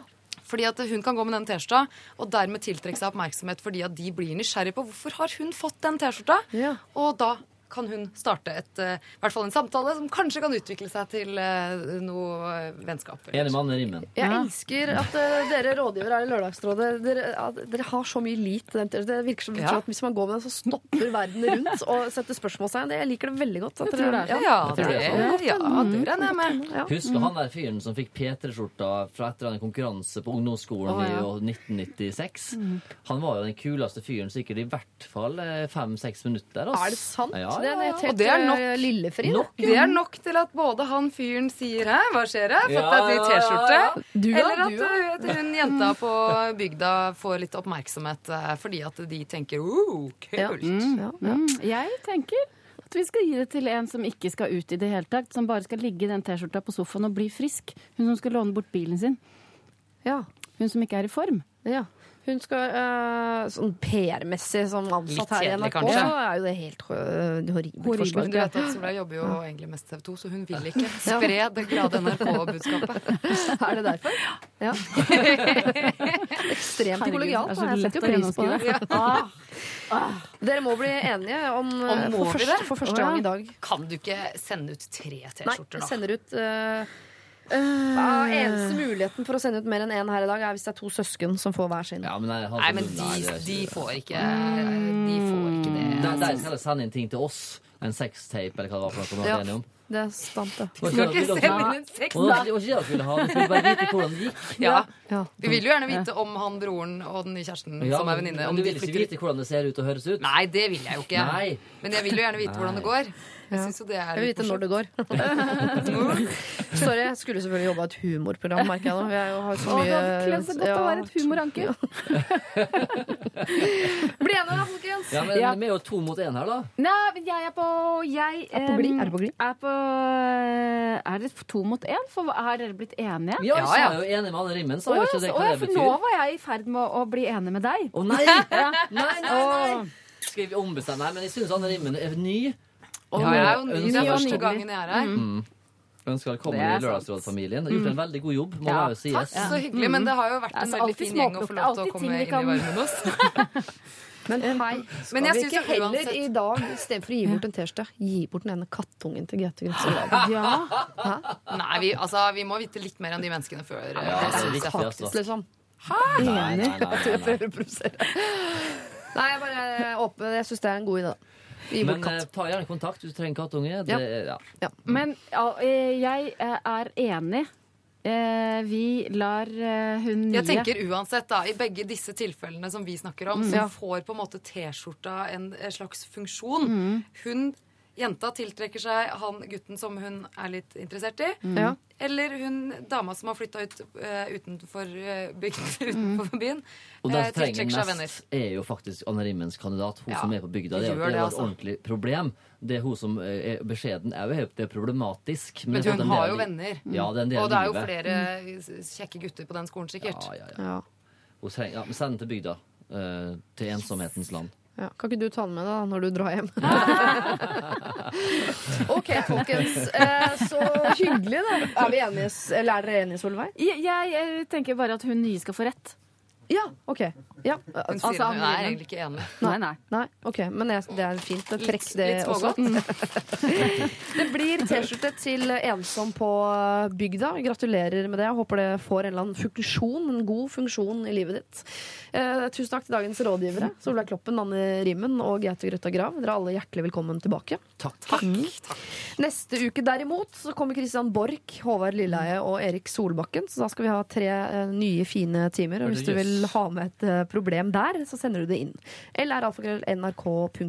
Enn så lenge så kan du laste ned dette på som podkast, samtidig som du går inn på Facebook og Insta, jeg vet ikke hvor, for å se på bilder av dagens eh, nydelige gjeng. Eh, ha en fortreffelig lørdag videre, da. Dette er Lørdagsrådet På P3. P3.